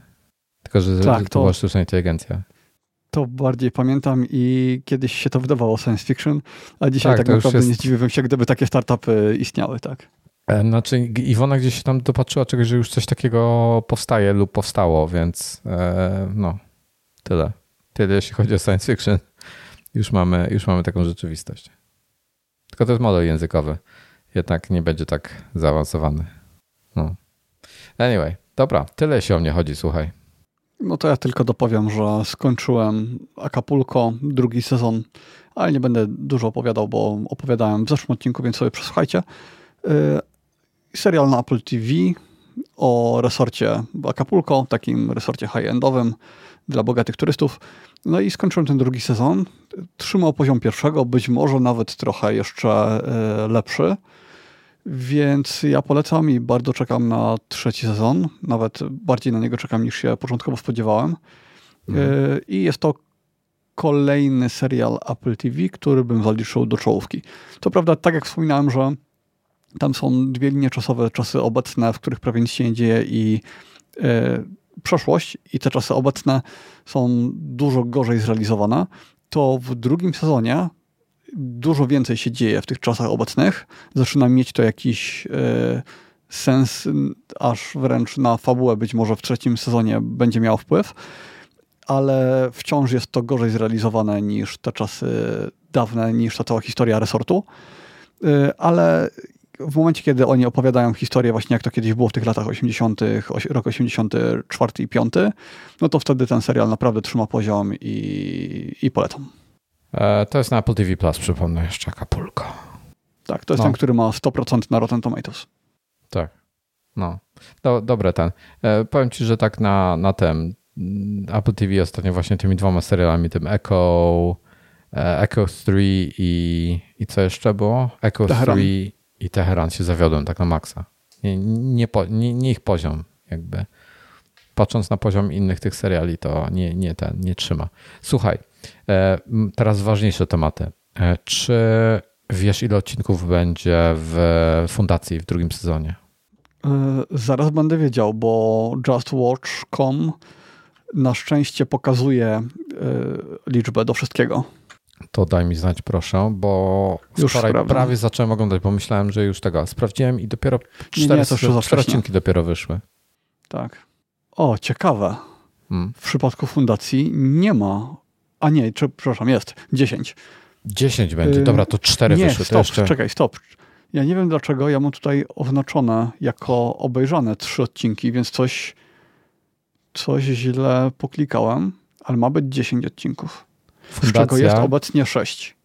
Fundacja to jest absolutny kosmos. i nie dlatego, że dzieje się w kosmosie, ale to jest po prostu rewelacja. Jest w ogóle tak rozbudowany, tak nietypowy serial science fiction. Super. Każdy, jeżeli lubisz science fiction, obejrzyj sobie Fundację. Świetny serial. Mm, naprawdę dobry. I wiesz, no, słuchaj. Dla mnie numer jeden wszystkich seriali, jakie widziałem science fiction hmm. i w ogóle wszystkich seriali, jakie widziałem, być może jest to dla mnie najlepszy serial w historii. Nie, to dla mnie, dla mnie tutaj będzie, powyżej będzie Ted Lasso i Biały Lotos na, nad, e, nad fundacją będzie, ale fundacja będzie w pierwszej piątce na pewno. W pierwszej piątce, w pierwszej dziesiątce na 100%. Myśmy umawiali krótko po tym, jak ona miała, e, jak premierę miał dziesiąty epizod pierwszego sezonu, więc niestety nie pamiętam, który to był odcinek, e, ale tak, pamiętam, że ja byłem absolutnie zachwycony, dla mnie to było arcydzieło. Ty nie aż tak, hmm. ale, ale i tak ci się podobało. Tak, wiesz, jak popatrzysz sobie na poziom właśnie fundacji, jak poziom e, Ted, Teda Lasso, e, Shrinking, pierwszy serial, którym, z którym zagrał Harrison Ford, tak, który uznał, że wart jego talentu, pierwszy serial, Shrinking. E, I, I tego typu produkcje, to dlatego mam zastrzeżenia do Teheranu i do Echo 3, bo to tak jakby porównać, to tak jak, no nie wiem, nie wiem nawet jak to porównać, żeby kogoś nie obrazić. No. Taka po prostu. No tak, ale bo po, porażka, wymieniłeś no. seriale 10, 10 na 10. Znaczy no. dla mnie to The Last taki nie jest, ale dla większości jest. Y, no i Shrinking też mi się bardzo podobał. No. E, więc tutaj, no, no szkoda, że szkoda, że ten, szkoda, że jakoś tam ten. I boję się trochę tak kusi mnie, żeby ten C obejrzeć z tym, z Momo, ten, ten pierwszy taki, jeden z pierwszych seriali, jaki, jaki został udostępniony na Apple TV+. Plus. Nie wiem, czy ryzykować, no, czy nie. Kiedyś go chyba obejrzę. Trochę mnie, trochę takie zawieszenie niewiary trzeba mieć, że świat, w którym nie ma wzroku, ludzie nie widzą, a jednocześnie przywiązują wagę do ubioru, do, w sensie do tego, jak wyglądają i tak dalej. Tak się to trochę kupy nie trzyma, ale, no, ale to serial, więc y, chyba kiedyś zobaczę. No. No, jestem ciekawy, ale, ale fundacją muszę właśnie, czekam w takim razie z fundacją, e, jak będziemy trochę bliżej końca, żeby zacząć to oglądać. E, może inwazję teraz zaczniemy. E, drugi sezon jest. Nie, nie wiem, czy już się zaczął pojawiać, czy został zapowiedziany, ale będzie. Tak, właśnie, chyba już cały wyszedł nawet. A, tutaj Erwin pisze, że C jest spoko pierwszy sezon, później co sezon to spada poziom na głowę. No to może rzeczywiście pominę zupełnie to. E, albo przynajmniej jak nie będę miał niczego innego do oglądania, a pójdę właśnie w, muszę inwazję zrobić, e, muszę zrobić ten serial, o którym ty ostatnio opowiadałeś, e, o tym, jak to się nazywało? The Big Door Prize, o. Tak, a inwazji jeszcze nie ma drugiego sezonu. Na razie A, zapowiedź tylko? Okej. Okay. No, czekam jeszcze na. Jeszcze zapomniałem do tych seriali The Severance, tak? Severance jest po prostu mistrzostwem świata. Mm, a powiedz mi, bo myśmy tutaj kilka razy przytaczali ten serwis Just Watch. Y, oni mają aplikację na Apple TV i y, czy ty z niej korzystasz? Bo ostatnio robiłem Nie. przymiarki, żeby zastąpić Netflixa i te wszystkie inne aplikacje i żeby wybierać filmy właśnie z Just Watcha. Tylko nie, ta aplikacja jeszcze nie ma wszystkich funkcji. Okej, okay, bo to podoba mi się koncept. To jest taka trochę jakby, tak jak Apple TV aplikacja ma działać, że jest takim hubem dla pozostałych y, streamingów, gdzie masz mhm. jedną wspólną listę obserwowanych i y, bazę danych z Netflixa, z Prima, z wszystkich po prostu serwisów, które posiadasz. No to Apple wiemy, że tak nie działa, bo z Netflixem nigdy się nie dogadają, z Prime'em zależy od kraju i tak dalej no to ten Just Watch miałem nadzieję, że będzie dla mnie czymś takim takim hubem, gdzie tam sobie oznaczę wszystko i będę tam trzymał. No ale na razie tak zainstalowałem, trochę poużywałem i yy, zapominam o tym, ale jeszcze będę próbował używać w ten sposób. Ale to ty nie, nawet nie zainstalowałeś, tak, na Apple TV? Nie, ja, ja tylko używam, żeby z, na, na wiesz, jak, jak potrzebuję sprawdzić, gdzie coś mogę zobaczyć, to na telefonie czy tam na komputerze wchodzę na justwatcha.pl justwatch.com/pl i, i tyle. I wpisuję tytuł i mi pokazuje, gdzie to mogę obejrzeć albo, albo wypożyczyć na tej zasadzie. Um, mhm. No. E, także tak. E, wiesz co? Nie wiem, daj znać, daj znać. Jak już to potestujesz i tak dalej, to daj znać, co o tym myślisz. Tak, to będzie raczej taki test długodystansowy, więc nie, nie prędko. Hmm. Nie wiem dlaczego na tym, to patrzę w tej chwili na dosłownie najbardziej popularne, ostatnio posortowane popularności tytuły i nagle widzę z 16 roku Nice Guys e, z tym, z Russellem Crowe'em i Ryanem Goslingiem. Komedia, śmieszna. No, śmieszna. no ale bo to w streamingu, więc być może akurat jakiś streaming go dodał do oferty, a wcześniej nie miał. Właśnie, a jest tam Prime Video, no. Może. Nagle skoczył właśnie na listę. Um, ten Heart of Stone chciałbym obejrzeć na Netflixie jest e, Stone z, um, jak, ona, jak ona ma, Jezu. Gal, e, Gal Gadot. Coś tam Gadot. No. Tak. No, to to chcę obejrzeć. W tłumie, um, w tłumie też jest e, z Tomem Hollandem. On takie wchodzi teraz takie mocno widać dramatyczne role też. Fundacja jest numerem w powietrzu, czyli właśnie ten, ten um, hijack z Idrisem Elbą jest numer dwa i niepotrzebnie ciekaw jestem, jakie tam w ogóle ma, ma ten, jakie to ma na Rotten Tomatoes oceny. Ten hijack. Już patrzę. Ostatnio o tym opowiadałem. Jestem strasznie zawiedziony tym serialem. A ja polecam. Kurde, 88%, 65% e, audience score. 88% od e, tych krytyków. Krytyków. Właśnie nie wiem dlaczego, szczerze mówiąc. Naprawdę nie rozumiem. Jestem jakiś inny. Nie, nie rozumiem, za co go oglądać, po co. E, aha, w ogóle to jest to, to ja może to teraz zacznę oglądać, e, zanim przejdę do inwazji. Tajna inwazja. Oryginalny tytuł Secret Invasion. Na Disneyu jest pierwszy sezon z um, jednym z moich ulubionych aktorów, Samuelem L. Jacksonem, Nickiem, Nickiem Fury. To jest z MCU. Nie wiem, ile to jest warte. Zresztą E, możemy wejść szybko na Rotten Tomatoes i zobaczyć, jak to jest oceniane. U, sobiutko. 50% Orient Score, 54% od e, szefostwa, od e, krytyków. To słabo. Ale powiem Ci, że MCU bardzo stracił. Po, po w zasadzie Endgame, tak? Avengers Endgame. Poza paroma pozycjami, poza Guardiansami, jakiś tego to w zasadzie zabił. No, jestem nie, kompletnie nie na bieżąco. Tam z seriali trochę miał fajnych. Lokiego, yy, to co było serialem w telewizji, sitcomem. Yy, no, no. O tej przepotężnej magiczce, tak. nie, nie, nie pamiętam tytułu. Yy, One Division. Ale no tak, tak. I na tym się niestety chyba dla mnie skończyło i nie wróciłem do oglądania. No, One Division, Loki byli, byli fajni, ale tak poza tym te inne nic ciekawego. E, Erwin tu podpowiada, że e, do tej tajnej inwazji intro wykonało AI. Zobaczymy. Dobra, Dobra kończymy chyba na dzisiaj. Na dzisiaj to wszystko. Tak. Mhm. Dziękujemy bardzo za towarzystwo. E, zapraszamy do Baldur's Gate'a. Również Ciebie, Tomaszu, zapraszam jednak mimo wszystko. I co? I tyle. See you. Do usłyszenia. Cześć.